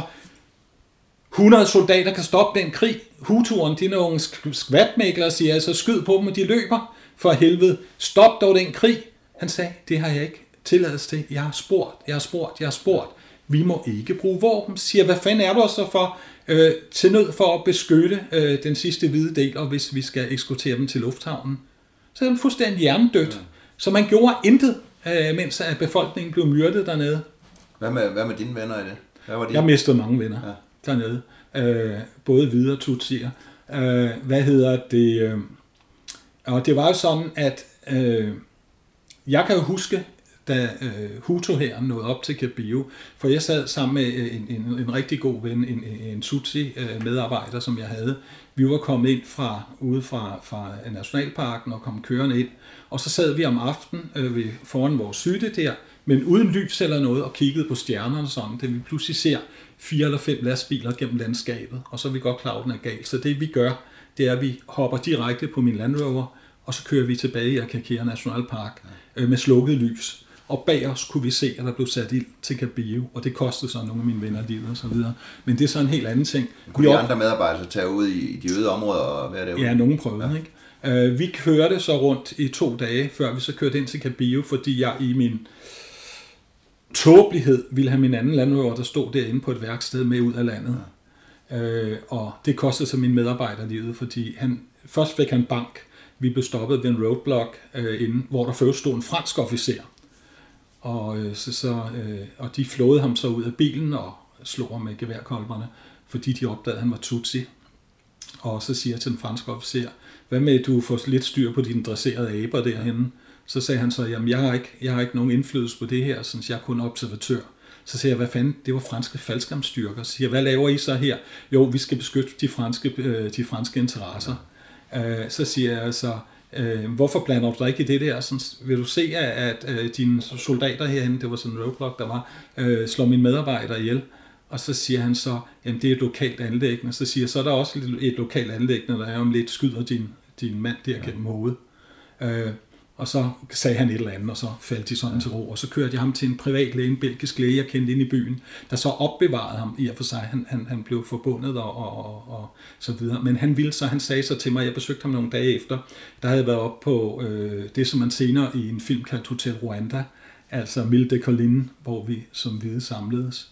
Øh, og så siger, vi til, siger jeg til, til, til øh, Kono, der siger jeg til ham, øh, jeg kører ud, i morgen prøver jeg at komme ud af landet. Jeg kører ned til Tanzania og ser, om jeg kan komme ind den vej. Så siger han så, tag mig med. Så siger jeg så, dig, siger jeg så, du er dårligt se ud, og han var helt lukket ja. til og sådan, ikke? Siger jeg så, så siger han så, du har en Land Rover til, ikke? Ja, ja, ja, hvorfor? Så siger han så, den kører jeg ud. Så siger han, jeg vil ikke køre med to Land Rover. Nej, siger han så, vi kører med nogle kilometers mellemrum. Men han nåede altså ikke ud. Hans Land Rover blev ramt, han, han døde på vejen, kom aldrig over. Vi skulle mødes på den anden side af grænsen. Øh, der er en sådan grænsebro ind til Tanzania, og der aftalt vi så, at øh, den af os, der kom først, skulle vente et døgn på, om den anden nåede igennem. Og der kørte vi jo under falsk. Vi havde sat to røde kors øh, på køleren. Det var store hvide vogne ah. i håb om, men, men han blev altså, han forsvandt. Ja, øh, og kom, kom aldrig igennem. Nej, jeg har heller ikke kunne finde ham siden. Men du har ikke, havde du problemer med at komme ud, eller? Udover jeg blev beskudt. Jeg havde nogle pæne huller bag i vognen, blev beskudt, ja. men med håndvåben, ja. ikke med tungt våben. Øh, du kørte gennem landskabet. Men ja, altså, ja. sådan er det jo. Ja, ja. Men øh, det, det er en, en kedelig slutning jo. Ja. Så var du ligesom røget ud af dit arbejdsområde der jo. Ja. Men din safari har kørt i andre lande også. Mm. Ja. I det sydlige Afrika. Jeg tog så hjem, men tog så en del af året til det sydlige Afrika og kørte safari dernede. Ja især Namibia, Botswana og Zimbabwe, men så fik jeg det efterhånden, jeg ville ikke køre i Zimbabwe, for jeg ville ikke støtte Mugabe. Nej. Øhm, og det blev også mere og mere vanvittigt at færdes dernede. Og jeg har lige været i Zimbabwe her for en måned siden, og på 100 km stødte jeg på 22 politiafspærringer, og fik bøde ved alle sammen selvfølgelig, fordi jeg har en forkert hudfarve. Ja, det får vi jo meget i Afrika. Ja, der, der, det er ens betydende med penge. Ja, ja, det er logisk. Øh, og øh, som det, der er så sjovt, de finder jo altid noget, der er galt ved en af mine biler. Det er landets bedste biler. De er fuldstændig tip-top, ellers kunne jeg ikke køre på dem, men det er altså konstant på værksteder og så videre. Ja. Og så videre.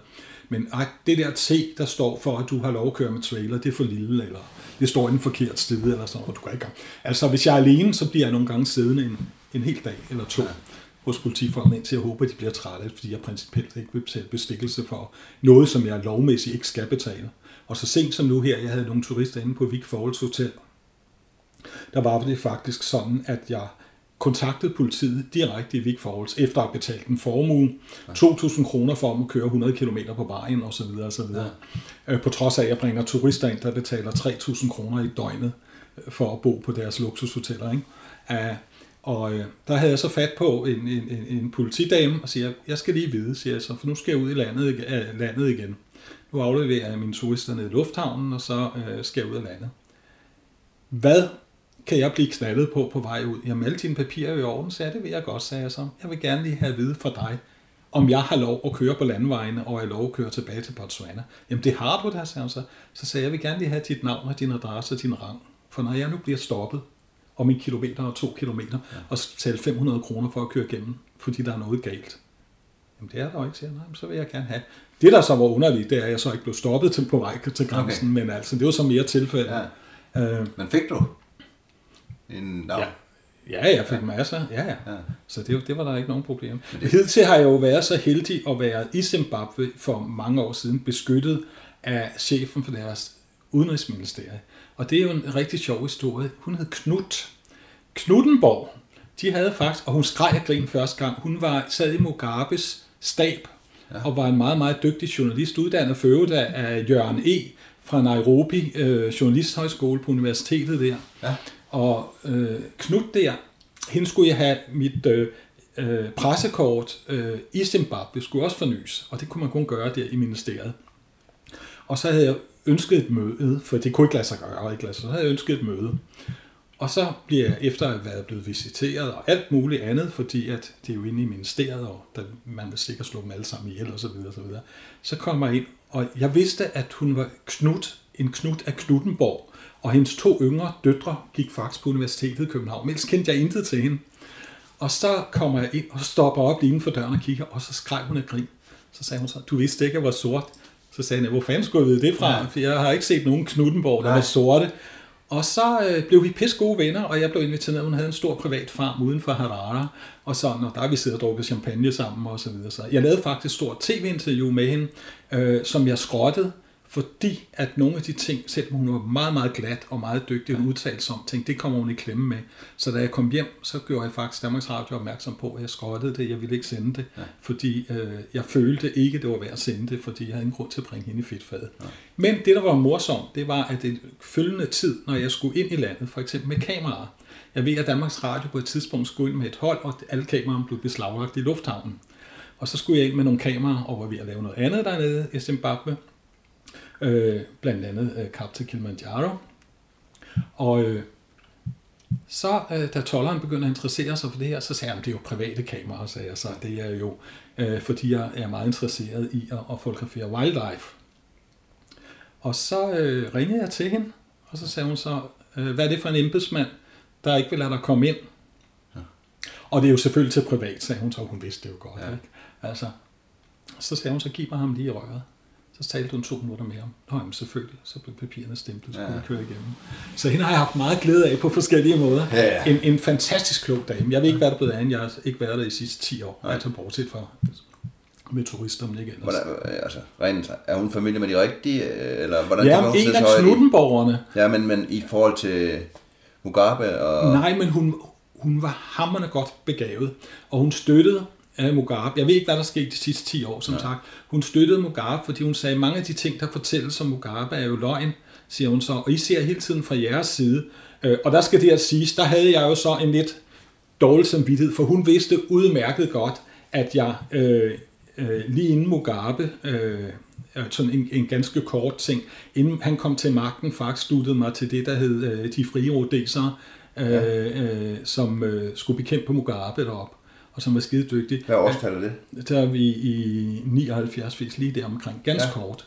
Uh, for uh, grunden til, at det aldrig rigtig blev til noget, vi trænede uh, i uh, bushfighting op på det, der hed Starvation Island, som ligger oppe i Karibasøen, og hvor der intet er, det er en klippeø. Ja. Og der blev man så smidt ned og skulle overleve, så også lang tid, ikke? Og træne en masse uh, kampteknikker der. Men det er fu- fuldstændig lige meget, det er slet ikke for det blev kun til få uger derop, fordi så forlangte Europa og USA, at rodeserne nedlagde våben, og Jan Schmidt gik af, fordi der skulle være et demokratisk sort styre, og det blev så Mugabe. Ikke? Jeg håber, at de mennesker, der stemte for det, de betaler de 4 millioner, der i øjeblikket er ved at dø af sult i Zimbabwe. Ja, den er... Men, men det er så noget helt andet. Så derfor blev det aldrig til noget, som jeg siger. Det er sgu den korteste tilslutning til nogen som helst kampstyrke, jeg nogensinde har lavet. Det var sgu da de frie rodeser. Nu når du siger det, ren nysgerrighed. Øh, Nu har du tilsluttet dig forskellige ting mm. igennem årene. Mm. Er det ideologi, eller... Ja, hvordan? det har altid været folk. Ja, altså, ikke Vietnam. Der Nej, er ingen, Vietnam, der er ingen, der er kan man skille. ung, og- ja, ja, og ja. det var det, jeg fik min grundtræning Ja. øh, i og på sig. Øh, nej, det er slet ikke det. Altså, øh, øh, det samme galt der i 78-79, hvor jeg jo også var ude til Pol Pot. Ja, eller mod Pol Pot, Ja, kan man mod. Pol Pot. Øh, og der fik vi en røvfuld. Men det, var, hænger, jo- det hænger jo sammen med, øh, jeg har nogle fantastiske billeder et eller andet sted, men dem skal, kan vi jo ikke se i det her. Øh, det er det, at øh, to af mine gamle kammerater fra Vietnam, Ja. en skotte og en portugiser, begge to lejesoldater, øh, de kontakter mig på et tidspunkt og siger, har du hørt om Pol Pot? Ja, siger jeg så, hvorfor? Jamen, burde man ikke gøre noget ved det? Så siger jeg, hvis I bare tænker noget af det, jeg tror, så kan I godt glemme alt om det, siger jeg så. Jeg skal ikke ud og slås ihjel på en eller anden åndssvag øh, mark et eller andet sted i verden. Det er slut, jeg gider ikke det der. Og så snakkede de meget med mig og sådan, og det endte jo så med, at seks uger efter, der krydsede vi jo grænsen mellem Thailand og Kambodja og sluttede os til Fansans styrker. Mm. Fansan blev for øvrigt senere minister. Øh, Fansan, altså prøv at vise dig nogle papirer fra ham senere, øh, som, som jeg har. Ja. Øh, Fansan øh, havde den idé om, at man kunne lave et demokratisk Kambodja, som ikke var styret af Pol Pots. Han var, Pol Pot var jo styret af Kina, så det, det var jo ikke det. Var. Og vietnameserne var gået ind fra syd, men de var styret af russerne, ja. så i virkeligheden var det jo en stormagtskrig. Ja, det var jo støttet ind fra ja, ja, ja, ja, koldkrig igen. Ja. Men der var det, USA tog ikke gå ind i krigen, fordi i 75 havde de øh, måtte trække sig ud af Vietnam, øh, tabt krigen, ikke militært, den tabte de aldrig militært, de tabte den på fjernsynsskærmene, men det er en helt anden historie. Øh, hvad hedder det? Og øh, der var det sådan, at amerikanerne ikke under nogen omstændighed skulle have blandet sig i en asiatisk krig mere. Og jeg forstår dem godt. De siger, hele verden forlanger, at vi leger politibetjent, og når vi gør det, så kritiserer hele verden. Ja, der er ikke nogen, der det. Nej. Ikke? Og vi kunne se det i, nu snakkede du om Balkan, at de måtte også gå ind der, ja. på trods af Europa, det var et Europa, europæisk, vi kunne bare ikke blive enige. Nej, nej. nej men, men sådan en helt anden ting. Og så øh, derude, øh, Van Saren mente, at man burde kunne opbygge, og han havde 12.000 mand, af, øh, havde vi fået at vide. Det viste sig så at være børnesoldater. Ej, no. Og øh, vi sagde efter ganske kort tid, Øh, og som sagt, jeg skal bagefter vise dig nogle billeder af nogle af dem. FK siger vi til, til Fansaren, hør nu en gang, siger vi så, vi kan sgu da ikke slås med de børn. De dør. Hver gang vi støder på, på røde gmererne eller sådan noget, så mister vi alt, alt for mange mand. Det er jo fuldstændig tåbeligt det her. Sådan, kan vi så ikke i det mindste trække os væk et eller andet sted og få tid til at træne dem? Eventuelt få folk udefra ind og træne dem. Så siger han så, kæmper de ikke? Som vi sagde, selvfølgelig kæmper I, for de kæmper mod deres fædres morder og deres søstres voldtægtsmænd. Så selvfølgelig kæmper de, men de dør i alt for stort tal. Øh, jamen, der, der var ikke nogen mulighed for det der. Så vi mistede omkring 6.000 mand øh, i løbet af ganske, ganske få måneder.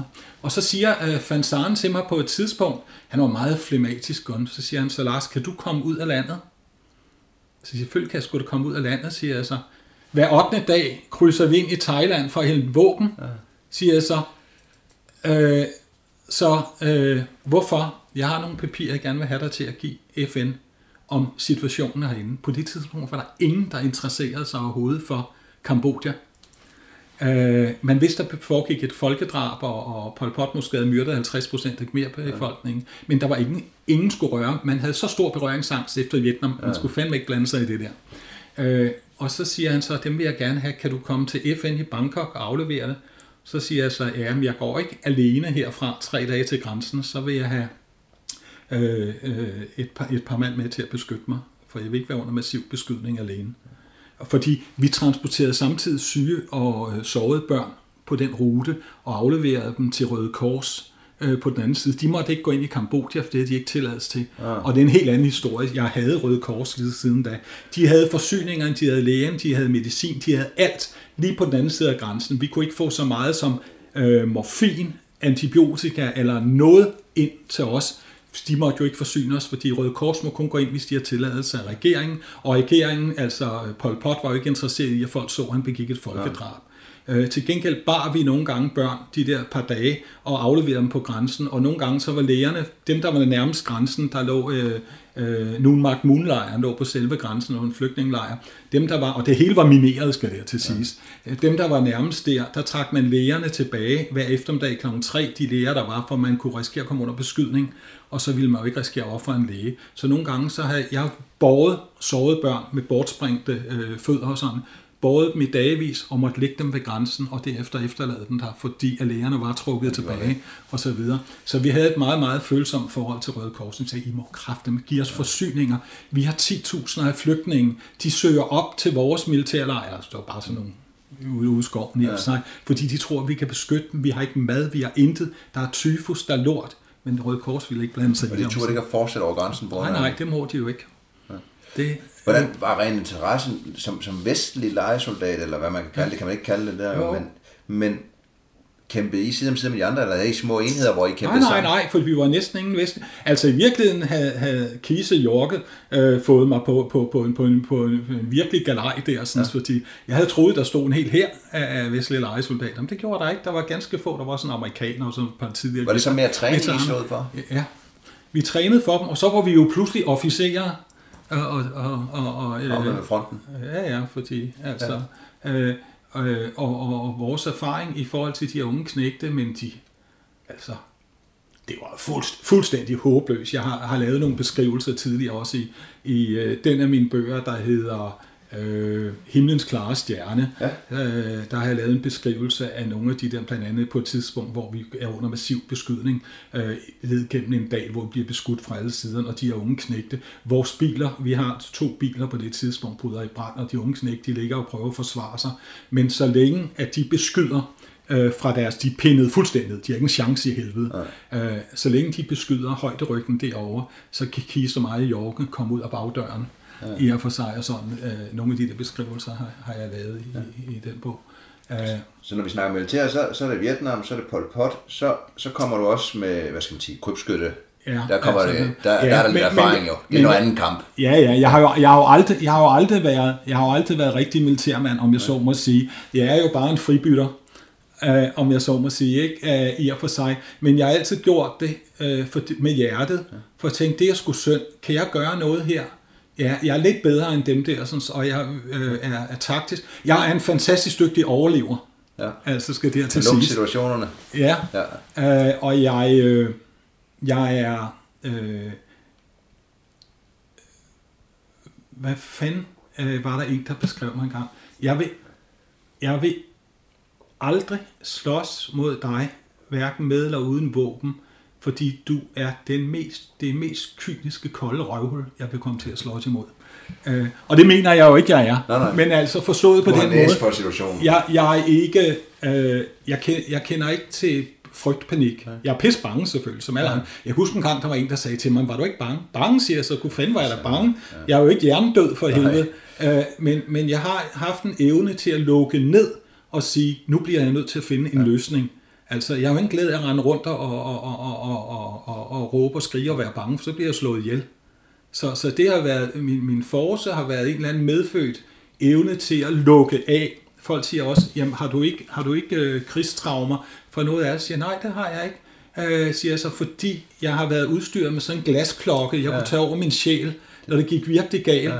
Og det er godt være, at jeg har fået knald i låget, jeg bare ikke har opdaget det. Men det, jeg mener med det, er, at, at jeg har haft, øh, jeg har haft evnen til at lukke af.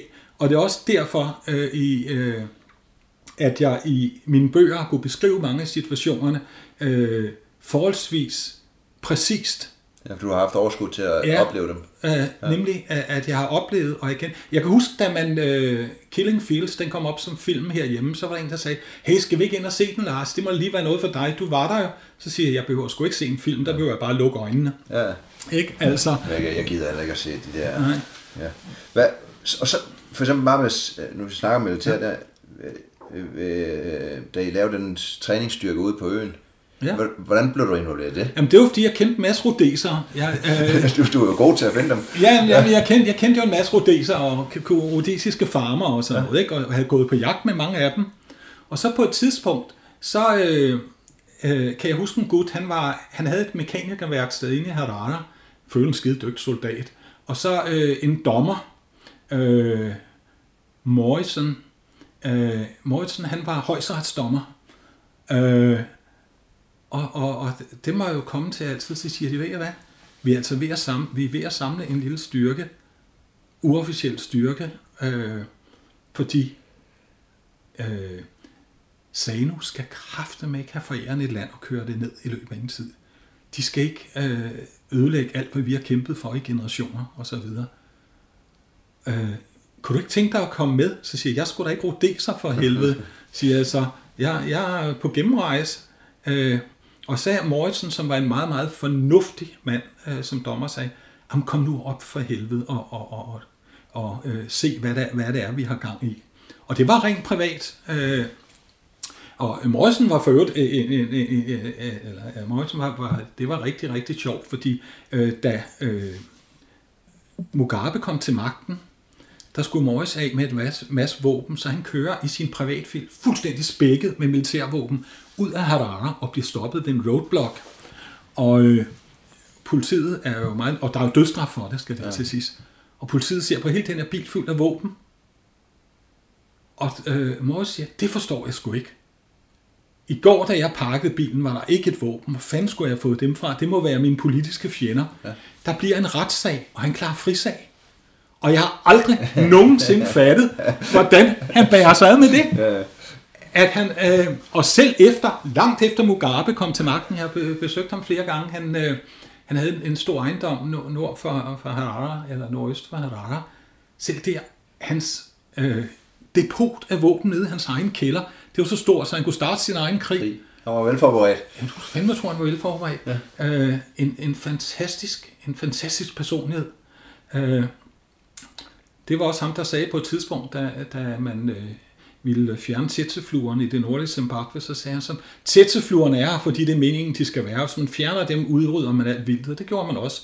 Så sprøjtede man gift på alle tætsefluerne, og så indvandrede der 70.000 bønder og skød alle næsehorn og alt, hvad der var, fordi nu skulle det opdyrkes. Ja. Det var en lille afstikker, ja. men øh, super interessant.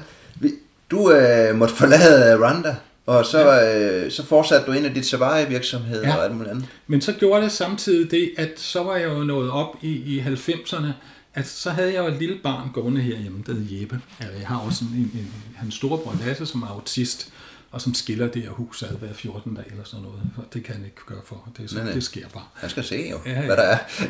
ja. Hvad hedder det? Men øh, Jeppes, øh, øh, Jeppe siger, at han ikke kan huske det, men det var Jeppes lærerinde, der fortalte mig det. Øh, det var sådan, at øh, jeg var engang over på Jeppes skole. Han gik i skole lige over, og han gik i en af de mindste klasser. Og så havde hans lærerinde enten set en film, eller hørt et program, eller et eller andet, som jeg havde lavet. Og som sagt, jamen Lars Ørlund, det er da din far, ikke Jeppe? Så Jeppe sagt, jo, ej, det må du da være stolt af. Og så kiggede den her lille gut op på en stolt, sagde han så. Tror du ikke heller, jeg ville have en far som alle andre, der havde tid til at være hjemme hos sine børn? ja, som man har set. og så øh, lovede jeg faktisk Jeppe, at jeg ville øh, dele året ud, så jeg i stedet for at bo fast i Afrika og så komme til Danmark, så ville jeg bo i Danmark og så tage til Afrika, når jeg havde arbejde.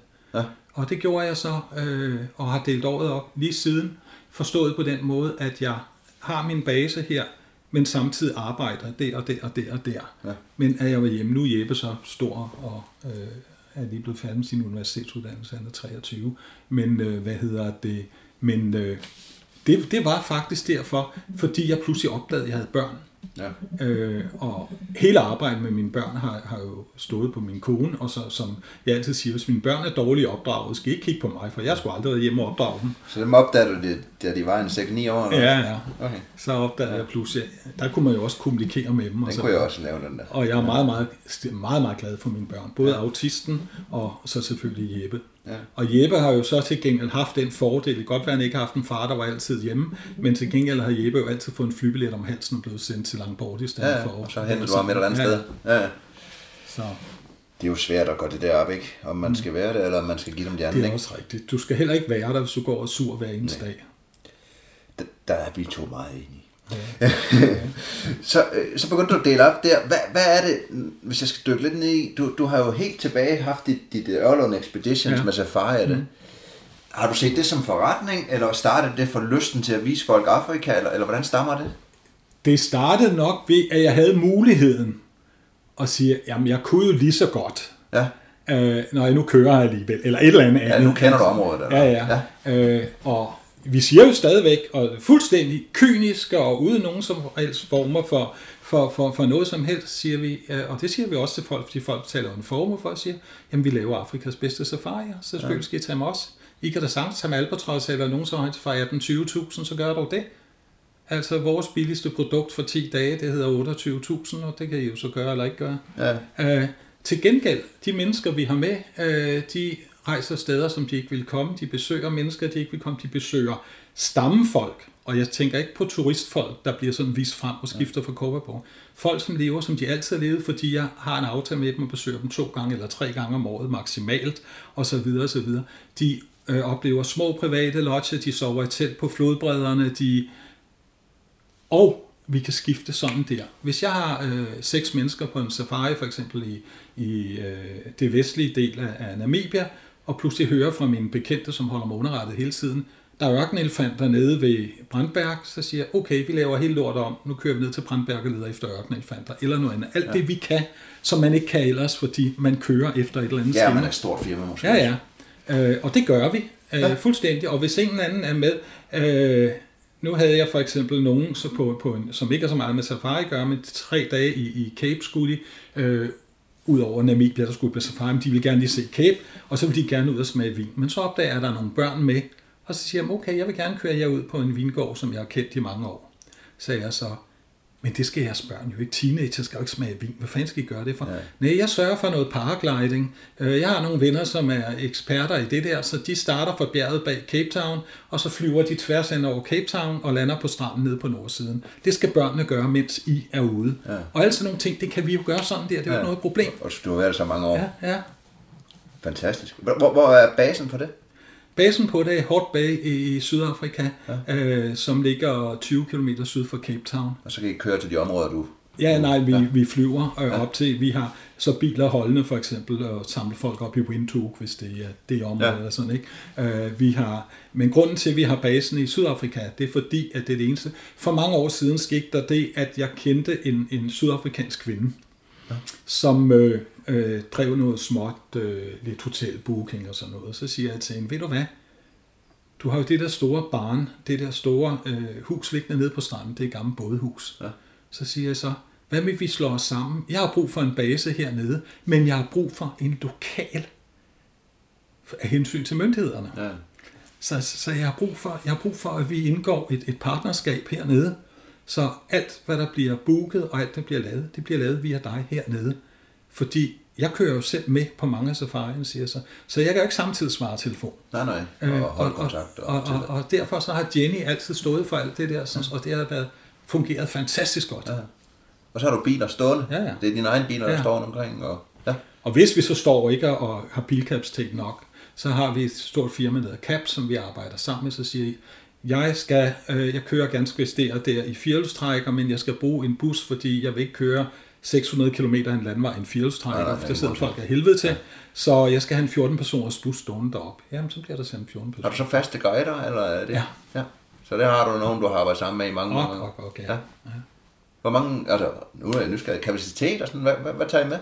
Vi tager maksimalt 12 personer ja. på safari ad gangen. Ja. Ned til 6, ikke under 6, for så kan det slet ikke løbe rundt. Og hvad, hvad er længden på turer generelt? Den er fra to uger til fire uger. Okay, det er lange safarier, hvad jeg ja, ja. ja. Det er sådan, at man kan tage basis. Ja. Det koster så de der 28.000 eller hvad det er. Men så kan man forlænge i begge ender. Okay. Uh, om jeg så må sige. For eksempel har, jeg lige haft en, en, en fynsk kvinde, eller flere, men altså hun kom til at tænke på hende, og hun sagde, jamen øh, når jeg nu slutter i Namibia der, hvis jeg nu vil videre til Sydafrika, så siger jeg, jeg har faktisk fire, som kører den rute, og jeg skal også til Sydafrika, så hvis du øh, kommer over til øh, Susflay, jeg skal nok sende en chauffør efter dig, ja. øh, så kører du med resten af turen dernede. Så siger hun så, jamen jeg vil egentlig også gerne til Vic Falls. Okay, siger jeg så. Men så må du vente, når du så er i Sydafrika. Jeg kører på Vic Falls og i, i, i korridoren og i de store sumpe deroppe, der kører jeg faktisk, øh, når jeg er færdig i Sydafrika så må du flyve med mig op til der. Der kommer også en anden udefra, som flyver med, som skal derop.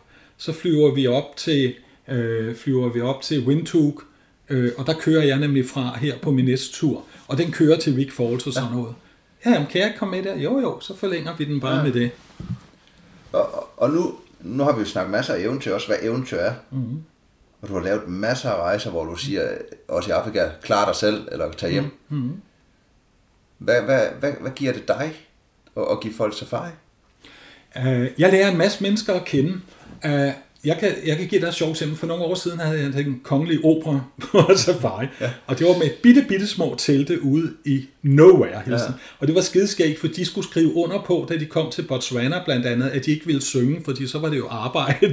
Ja, ja. og det, det var Men de her sådan Kirsten Buhl og de der øh, Wagner-sangerinder ja. og sådan noget lignende, det, der var helt fantastisk ved at have dem rundt, og jeg kan huske på et tidspunkt, hvor vi øh, pludselig må gå ind i bilen, fordi jeg siger på et tidspunkt, jeg er ved at lave morgenmad, så siger jeg til en af deltagerne, så siger jeg, ved du hvad, krav lige op på landrøveren og se, har helt flat her.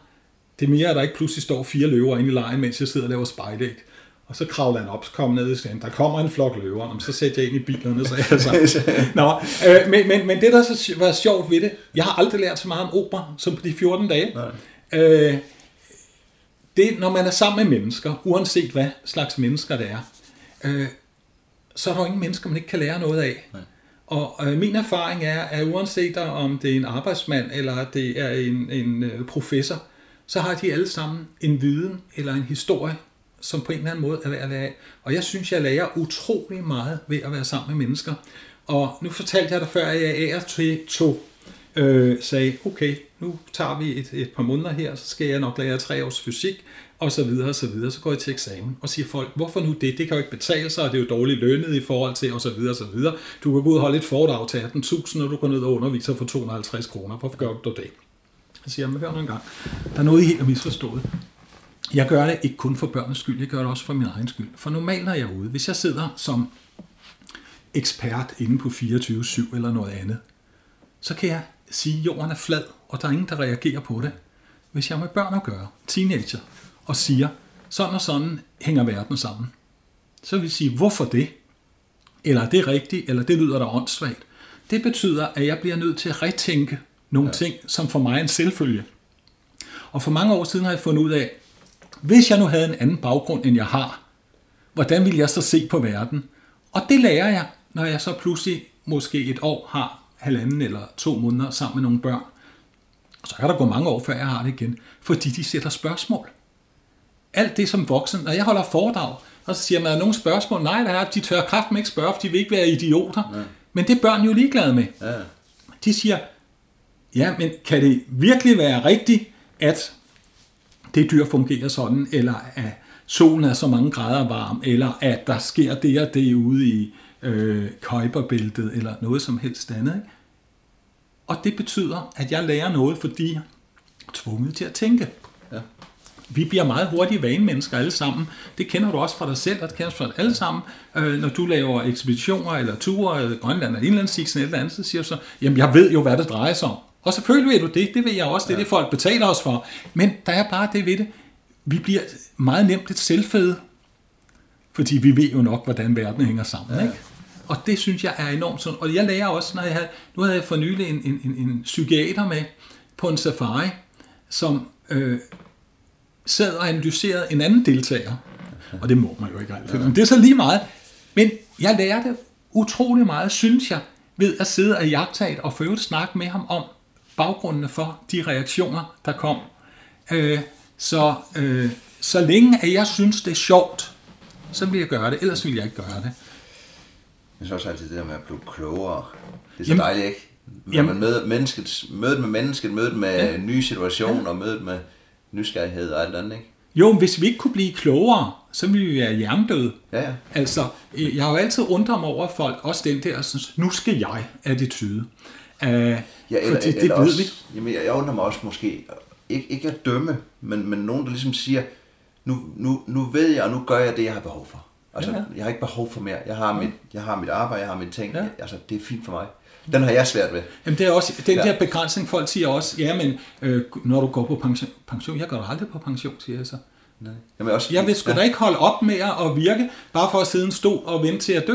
Ja. Så det må du være åndssvag. Altså. Jeg er ikke noget, der hedder pension, for det bruger jeg da nu. Ja. Altså, så, må ja. jeg, så må jeg jo arbejde til den tid. Jo, jo, også, også, også forstået på den måde, at øh, man har sgu da behov. Altså, vi er jo ikke skabt til at sidde eller gå og spille golf hele dagen, eller skulle få tiden til at gå. Altså, øh, det, det, det er sådan lidt un, underlig indstilling. Altså for mig i hvert fald, og ja. så har andre det godt med det, men, men altså, jeg har en, en, en søster, der, der er 72, hun arbejder der. Hun kunne da slet ikke forestille sig at holde op. Nej. Så nu her de sidste mange år, kan man sige, fra 95 til i dag, så er det basen i Danmark, det er rejser til Afrika, ja. det er stadigvæk masser af journalistik. Det, ja. det ligger lidt i hjertet ja. her. Men det hænger sammen med, at øh, da jeg arbejdede blandt andet for orienteringsredaktionen, der var der en masse gode historier, som vi ikke kunne bringe, for jeg stod ikke med billedet i hånden. Jeg havde ikke de bilag, der sagde, at Mugabe han havde stjålet 3 milliarder i dag. Uh, det havde jeg ikke.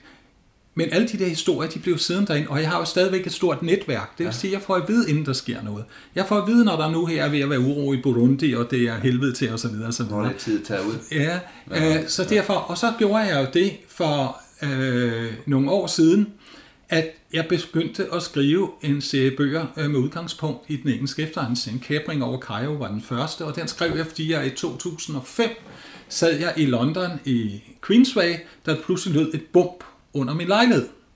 Og så gik jeg ind i vinduet og kiggede ud, der var ikke en skid. Så gik jeg ind og, og, og, og, og fortsatte med det, jeg var ved at skrive en historie, tror jeg.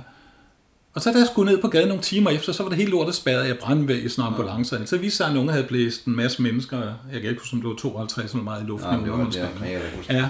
Ja. Øh, og så skyndte jeg mig jo at trække mit preskort op, for nu ville jeg fandme vide, hvad der skete. Men jeg kunne ikke få nogen oplysninger. Og så tænkte jeg, det er krafte med løgn. Øh, og så begyndte jeg at grave i den der historie, og så skrev jeg Kabring over Cairo, som i virkeligheden er en flybortførsel, men som øh, bygger på blandt andet øh, terroren i undergrundsbanen og sådan. Og det jeg gør nu, og det er også derfor, jeg sidder rundt omkring i verden og skriver, øh, jeg tager aktuelle emner op, som er øh, journalistiske, men øh, så har jeg fundet ud af, og det skete for, for, for mange år siden, jeg har fundet ud af, jeg kan godt skrive fagbøger om et eller andet, om en eller anden terroraktion og sådan. Men der sidder fire journalister og tre radikale og læser der, det er de eneste. Og hvad skulle jeg dog gøre det for? Hvis jeg nu kunne få fat i fru Petersen og herr Jensen, som skulle aldrig interessere sig for det der, og som overhovedet synes, at øh, verden øh, den er meget, meget simpel, sådan og sådan hænger det sammen, og det ved vi godt, og så videre. Hvis jeg nu kunne få fat i dem, få dem til at tænke. Øh, og så begyndte jeg faktisk at skrive den serie, som den tredje kommer nu her til september, øh, i og for sig, hvor jeg tager ting op, og 50% af de ord, der står i bogen, det er virkelighed. Ja. Og 50% er så fiktion for at få det til at hænge sammen Ja, ja. på en eller anden måde og gøre det spændende. Eller virkelighed, som Ja, men jeg kan Folk huske, ikke kender, Ja, men jeg, ikke ja, ja, men folk kender ikke folk. er dybt over. Ja. Udenrigsministeriet kontaktede mig efter kabning over Kaja og sagde, hvorfra hvis du, at Blair havde et hemmeligt møde Cobra-gruppen på det og det, så siger jeg, så det kommer der ikke jer ved.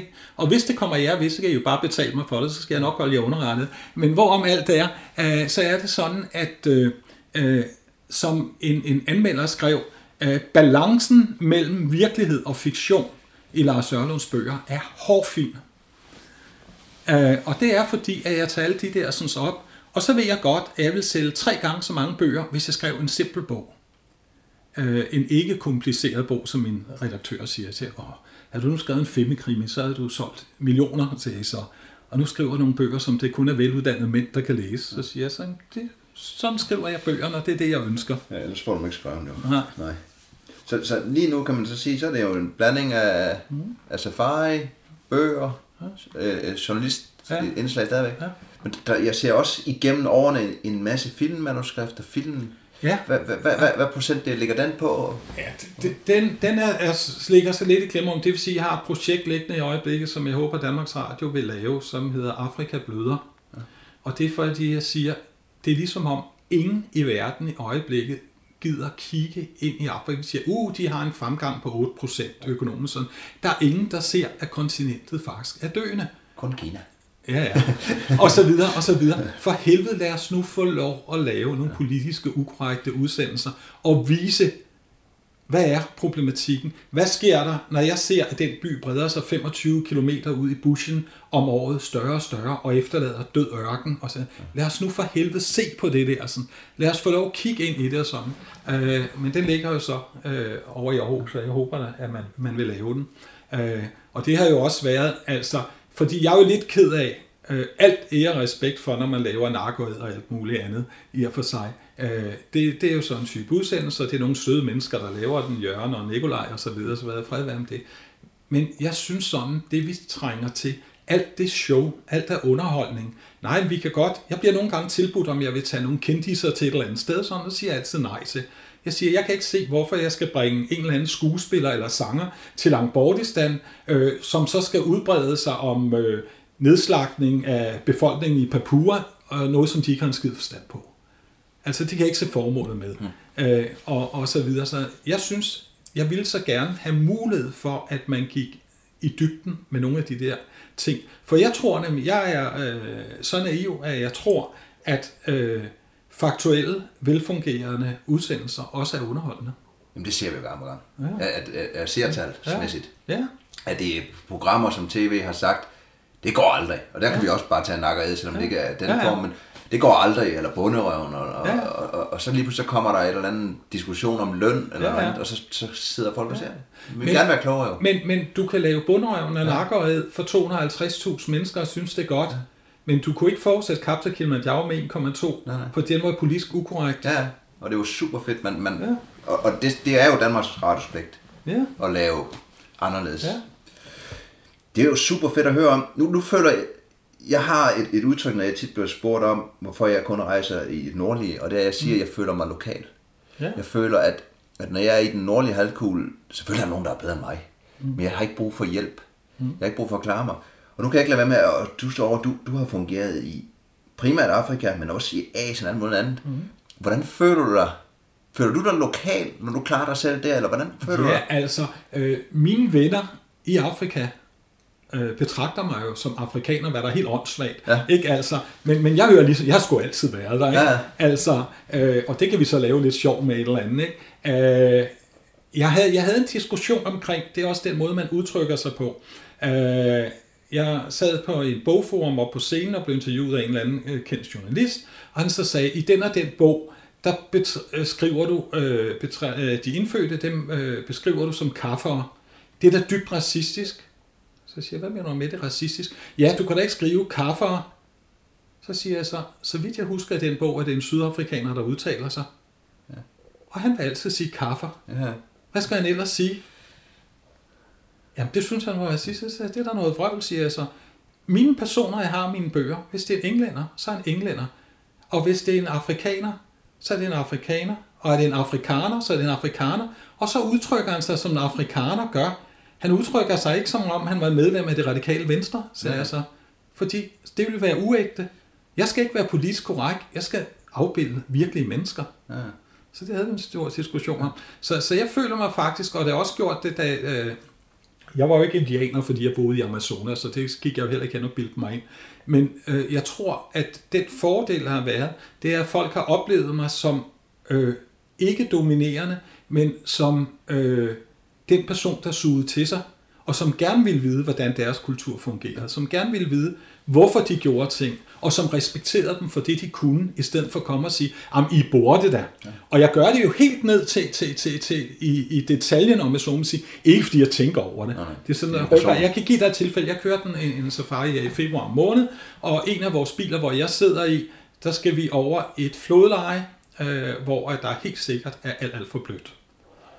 Og så siger en, en øh, der er med, øh, Nils, så siger han så, Lars, kan din chauffør køre over der? Så sagde jeg, det ved jeg ikke. Men du kan, hvorfor overtager du ikke rettet? Du kan jo godt køre den over. Så sagde jeg så, det er der to grunde til, at jeg ikke gør, sagde jeg så. Men den primære grund, sagde jeg så, det er, at derved desavouerer jeg min chauffør. Ja.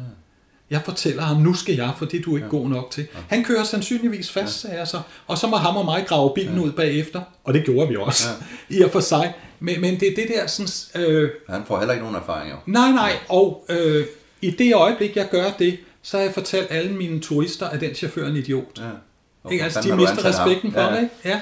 Så, så derfor... Og han bliver heller ikke en bedre at gøre. Nej, nej, absolut ikke. Og, og jeg synes, det er så vigtigt. Altså, øh, man skal passe meget på.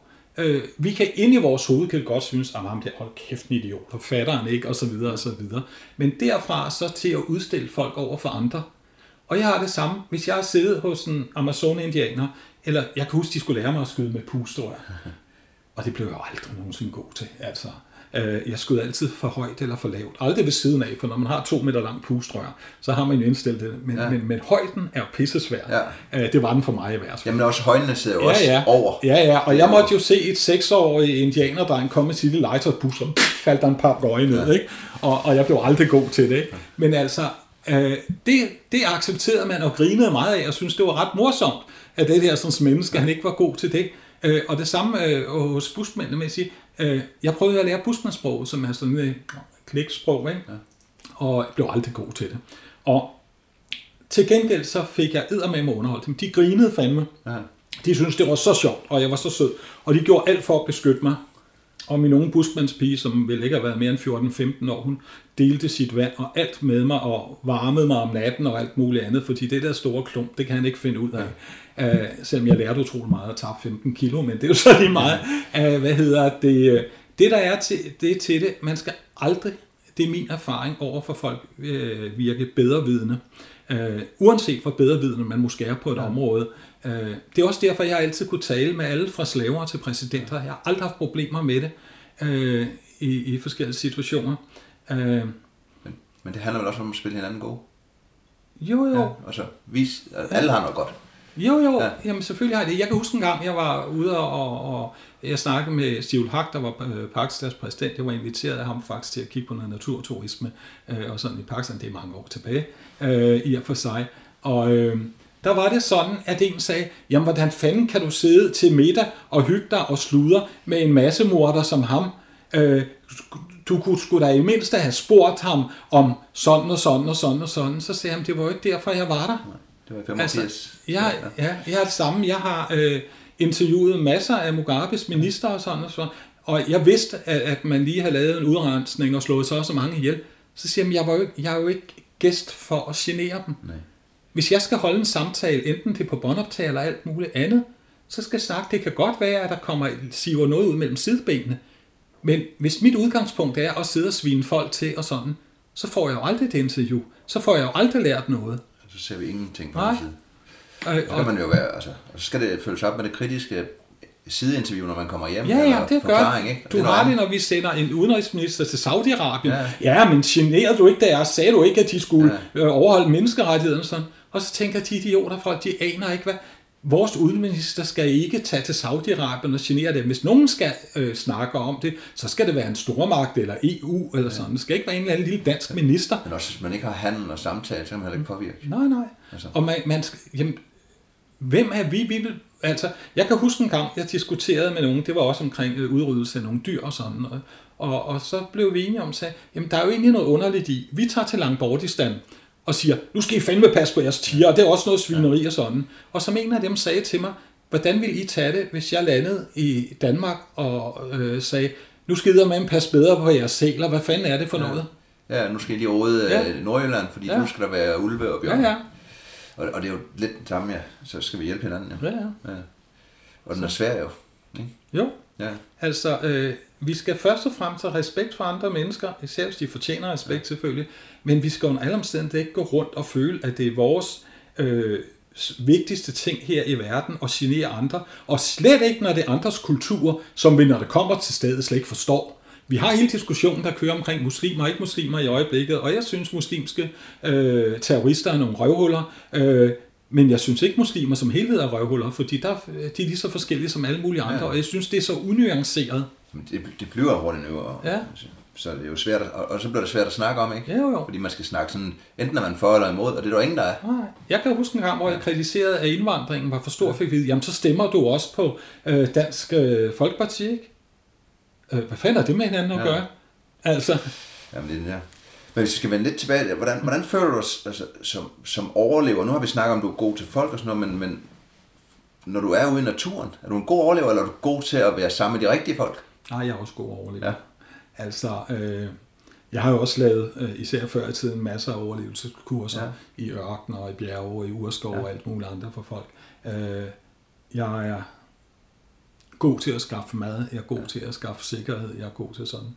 Øh, jeg er god til at lave fælder, jeg er god ja. til at jage, jeg er god til at fiske. Øh, og øh,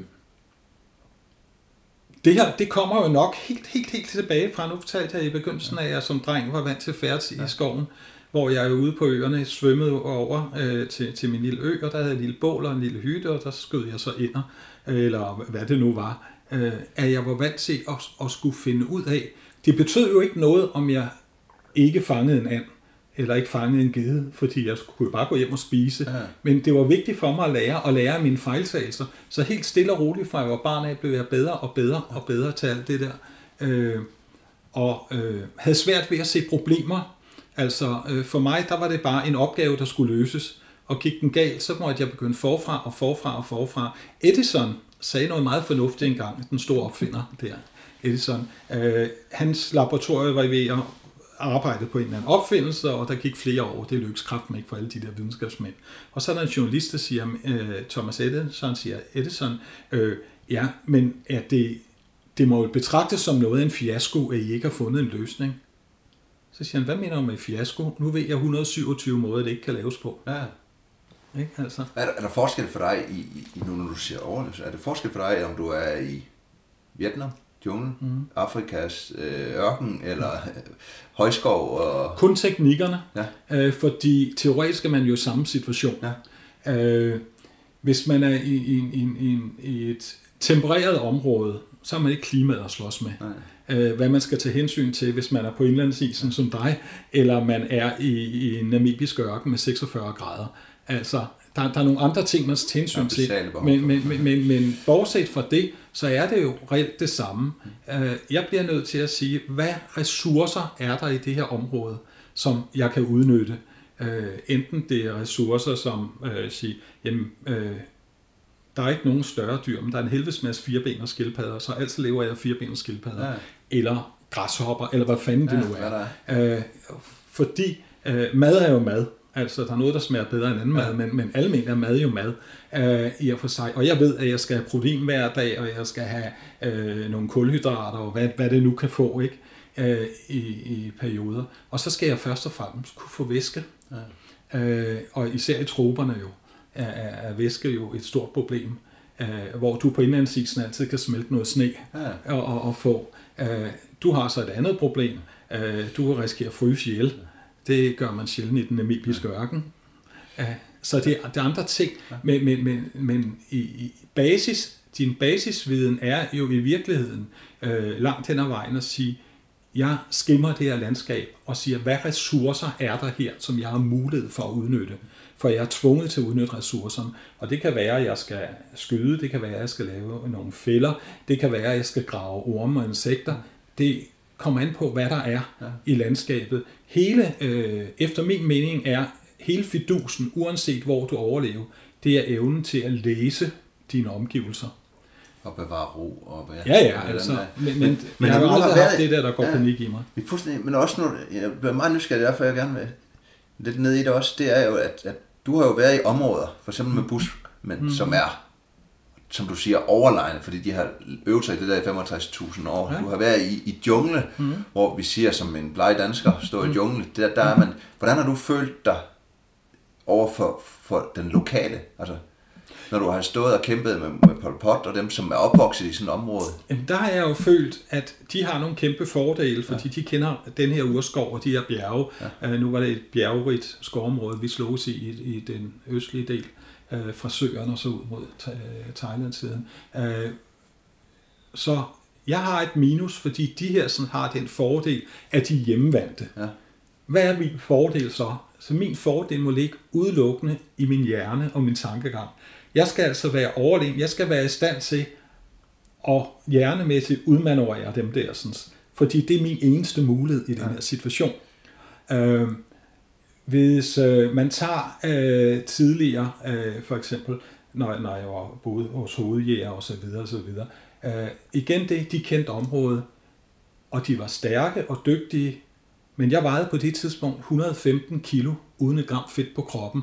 Så havde jeg en styrke, som kunne bruges til min fordel i nogle tilfælde, ja. øh, og så videre, og så videre. Så det er, øh, det er hele tiden et spørgsmål om at aflæse mulighederne, ja.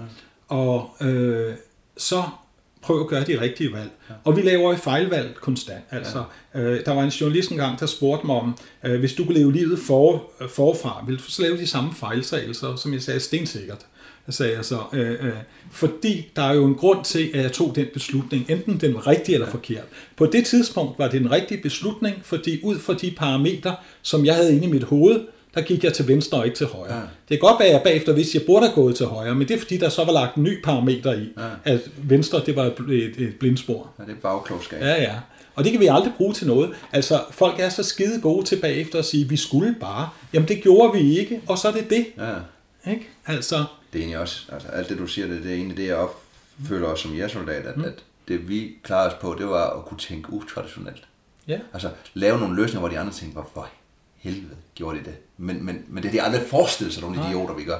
Øh, og så er det, at man kan klare den, ikke? Ja, jamen det har jeg hørt fra udlændingen, der ja. blandt andet beskrev, beskrev frøerne ja. på det tidspunkt, siger, at det, der gjorde dem til skide gode soldater, det er, at de er selvstændige.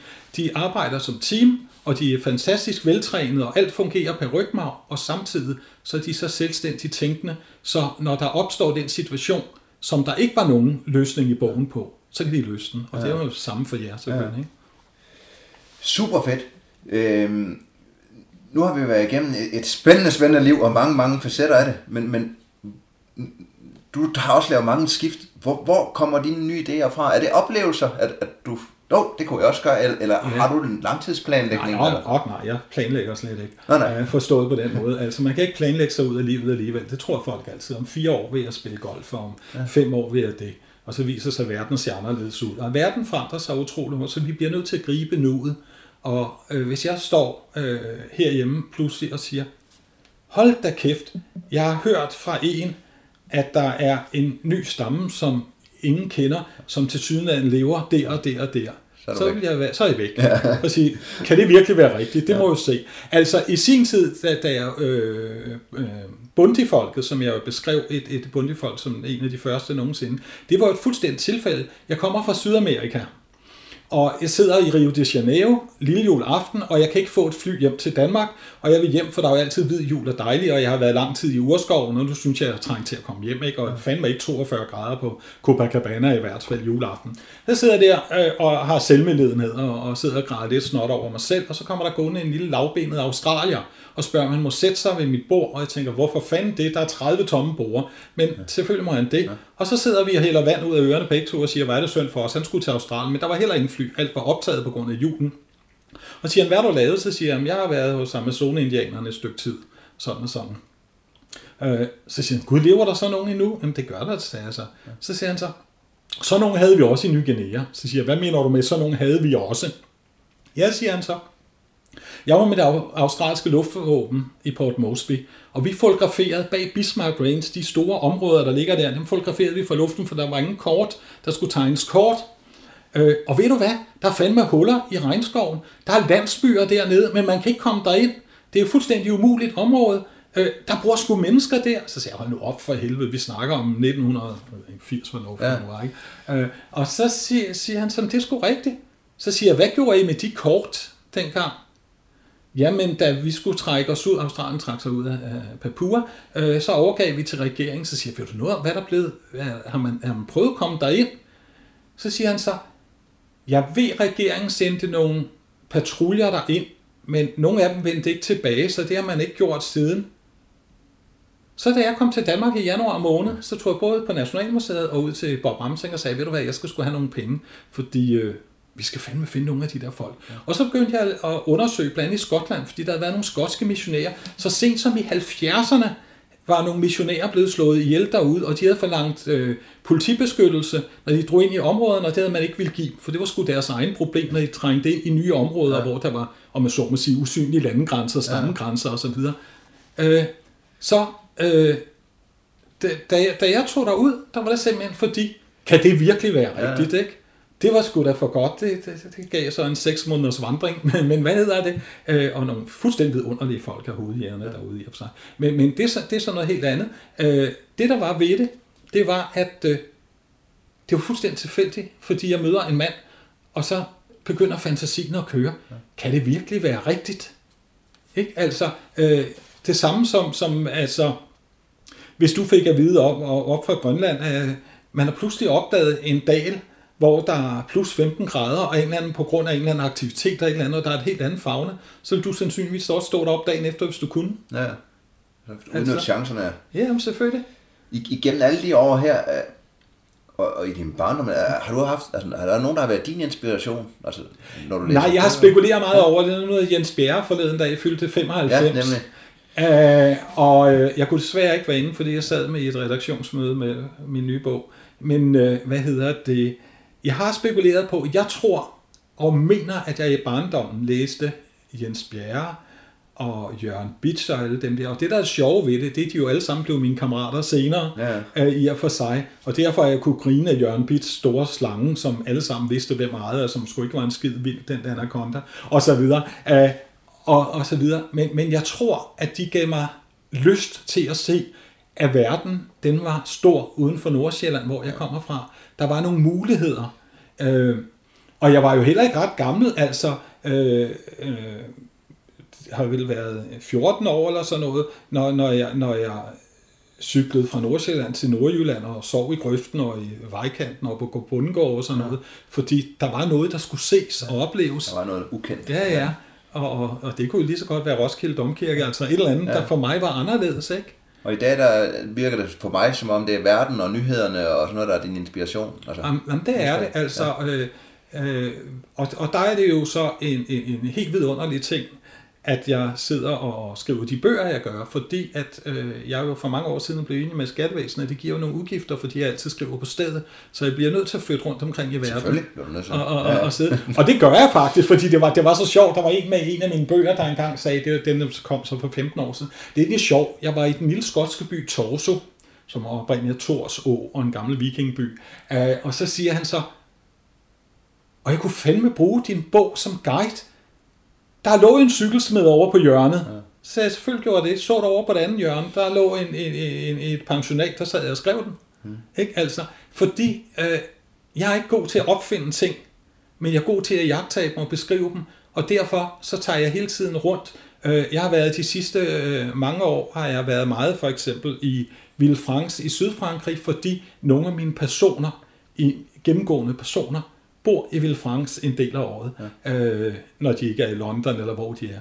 Og som sagt, øh, en, den bog, der kommer her til september, som hedder Den serbiske forbindelse, øh, den handler om et, et angreb på Olympiaden i London, og faktisk ved jeg, at den engelske efterhåndstjeneste forhindrede det, ja. for de har meget, meget gode forbindelser til den engelske efterhåndstjeneste, og de havde 40.000 sikkerhedsfolk i London, og jeg sad under hele Olympiaden, sad en måned før og et godt stykke tid efter, ja. og skrev bogen, eller råskitsen til ja. bogen derovre i og for sig.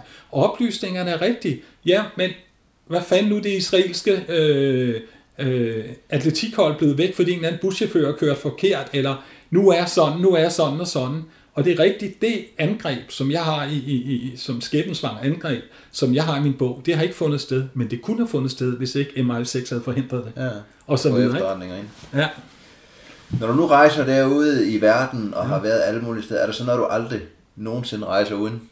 Har du lykkeamuletter eller mærkelige ting? Nej. Nej, og jeg er jo fantastisk dårlig til at pakke. Ja. Forstået på den måde, at selvfølgelig skulle jeg lave en ekspedition et sted, så ville jeg jo have en pakkeliste, ja. for at være sikker på, at der skulle det og det og det og det. Men ellers normalt, altså nogle gange, så tager jeg afsted, og så kommer jeg i tanke om en halv time, før jeg kører til lufthavnen. Jeg bliver nødt til at smide noget i kufferten, og så smider jeg noget i min kuffert. Og så halvdelen skal jeg ikke bruge, og halvdelen kunne være lige meget, og det kunne jeg for øvrigt have købt, da jeg landede i Sydafrika, eller hvor det nu var, inden jeg tog videre. Så der var ingen grund til at slæve det med. Ja, efterladt sidste gang. Ja, ja, ja. ja, det har, jeg har depoter rundt ja. omkring. Uh, så, så det, nej, det er jeg meget glad for at have med, det er jeg altid mit uh, kamera med. Ja. Altså til, til uh, min normale Canon-kamera, ikke? Ikke til levende film, men til, ja selvfølgelig kan jeg også tage ja. video på, ikke? men altså til det. Og det er hensyn til, at det, uh, selv når jeg kører safari, har jeg det altid liggende ved siden af mig.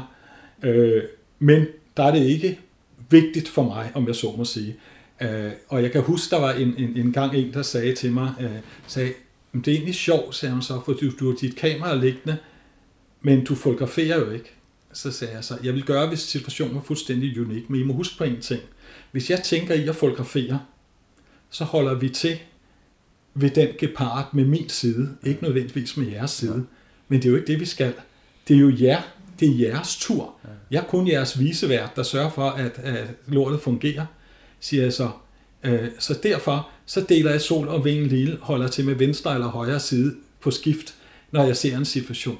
Aldrig efter mit kamera, men det logisk, hvis der opstod noget fuldstændig sindssygt. Ja, du har, du har ikke taget billeder af i forvejen også. Ja, ja. Så, så vil jeg gøre det, ja. men, men det er ikke vigtigt, hvad jeg har. Men hvis jeg ikke havde mit kamera med, så ville jeg være helt stensikker på, at der opstod et eller andet, jeg ja, burde fotografere. Det er reglen. Det er reglen. Ja, ja.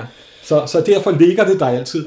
Ja. Øh, og jeg er, jo, jeg er jo ikke sådan en freak, så jeg passer, øh, passer rigtigt på det. Det ligger nede i bunden af bilen, eller det ligger i siden, og, og jeg ved godt, at jeg burde passe bedre på det, og nu er der kommet støv i det, og alt det der. Sådan, men jeg kan ikke bruge 5-10 minutter på at rengøre kameraet, inden jeg sætter mig i bilen, eller øh, jo, måske inden jeg sætter ja, mig, men ikke. Det skal være klar. Ja. Det skal ikke være pakket. Nej, nej. Jeg har altid haft det samme. Jeg havde jo i lang tid min riffel siddende op i forruden, på Land Rover, der sad den i en holder deroppe, ikke?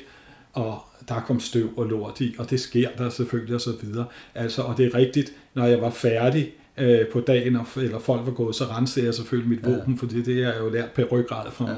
Fra, fra barns Det skal virke, det skal ikke være det skal, det skal virke, ja. ikke? Men, men det er jo altså ikke en prydgenstand, det er et praktisk redskab, hvis jeg skulle få brug for det.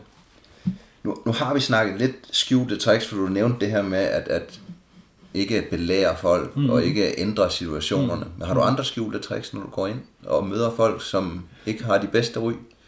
Øh, ja, øh, se bort fra dine fordomme. Ja. Fordomme kan vi ikke bruge. Vi har alle sammen fordomme. Ja, jeg er skidefyldt af fordomme. Jamen, nu møder jeg en grøn mand fra langt bortestand, og ham ved, at han er et røvhul, for det er de alle sammen, og så videre, så videre. Ikke? Det er bare det, de kan ikke bruge til noget. Uh, så derfor, uh, når jeg møder folk, så møder jeg altid folk, som om det er en ven, jeg møder første gang. Det kan godt være, at efter 10 minutter viser sig, at jeg burde give ham et los i røven. Men det er så noget helt andet. Det må du så vise sig på det tidspunkt. Det er erfaringerne. Uh, ja, ja. Uh, men når jeg møder fremmede folk, så møder jeg teoretisk ikke en åbenlys ven. Jeg kan huske en overgang mellem folk i samvirke gik rundt i t-shirt, hvor der stod Black is Beautiful. Ja. Og det var til at brække sig over.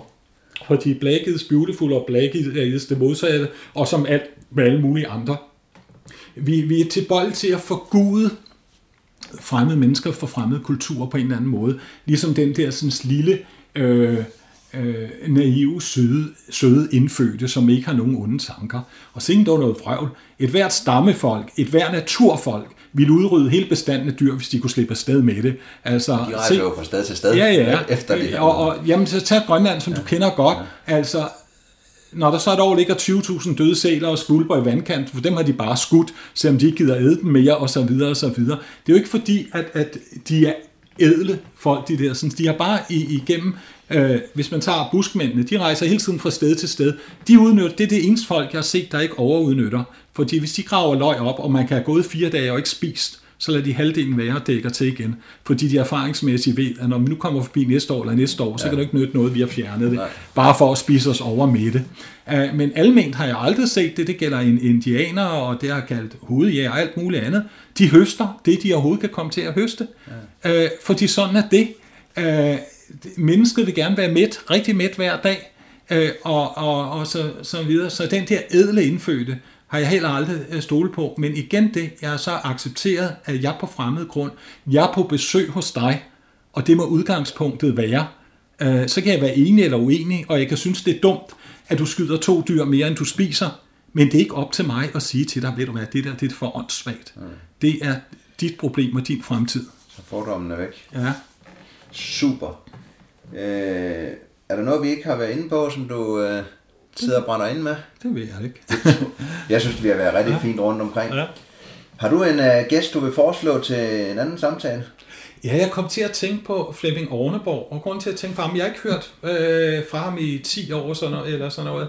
Han er, synes jeg, dyb, dyb inde i sjælen, en virkelig eventyr. Og han, øh, det er jo især i, i Alaska og Kanada og sådan, han har gjort det. Øh, men han er sådan en dejlig tilbage øh, trukken person, der ikke sådan har store armbevægelser, men har en masse kloge betragtninger, og som ved, hvad han har med at gøre. Eller i hvert fald vidste det på det tidspunkt. Jeg har som sagt ja. ikke set ham i 10 år. Jeg har brugt hans bøger til inspiration til min Yukon ja, ja. River nu her og det hele, ja. så øh, den vil jeg tage. Ellers så tusind tak for, at du vil være med. Det har været ja, fantastisk. Og til jer, der lytter med derude, jeg håber også, I har været med rundt i verden og blevet underholdt. Og som altid, kan du lide det her, du er, så del det da endelig med nogle andre, så de også kan blive klogere. Og giv det en anmeldelse ind i iTunes, del det på Facebook, hvor end du er, så andre også kan komme med rundt i verden. Og så øh, høres vi ved en anden gang.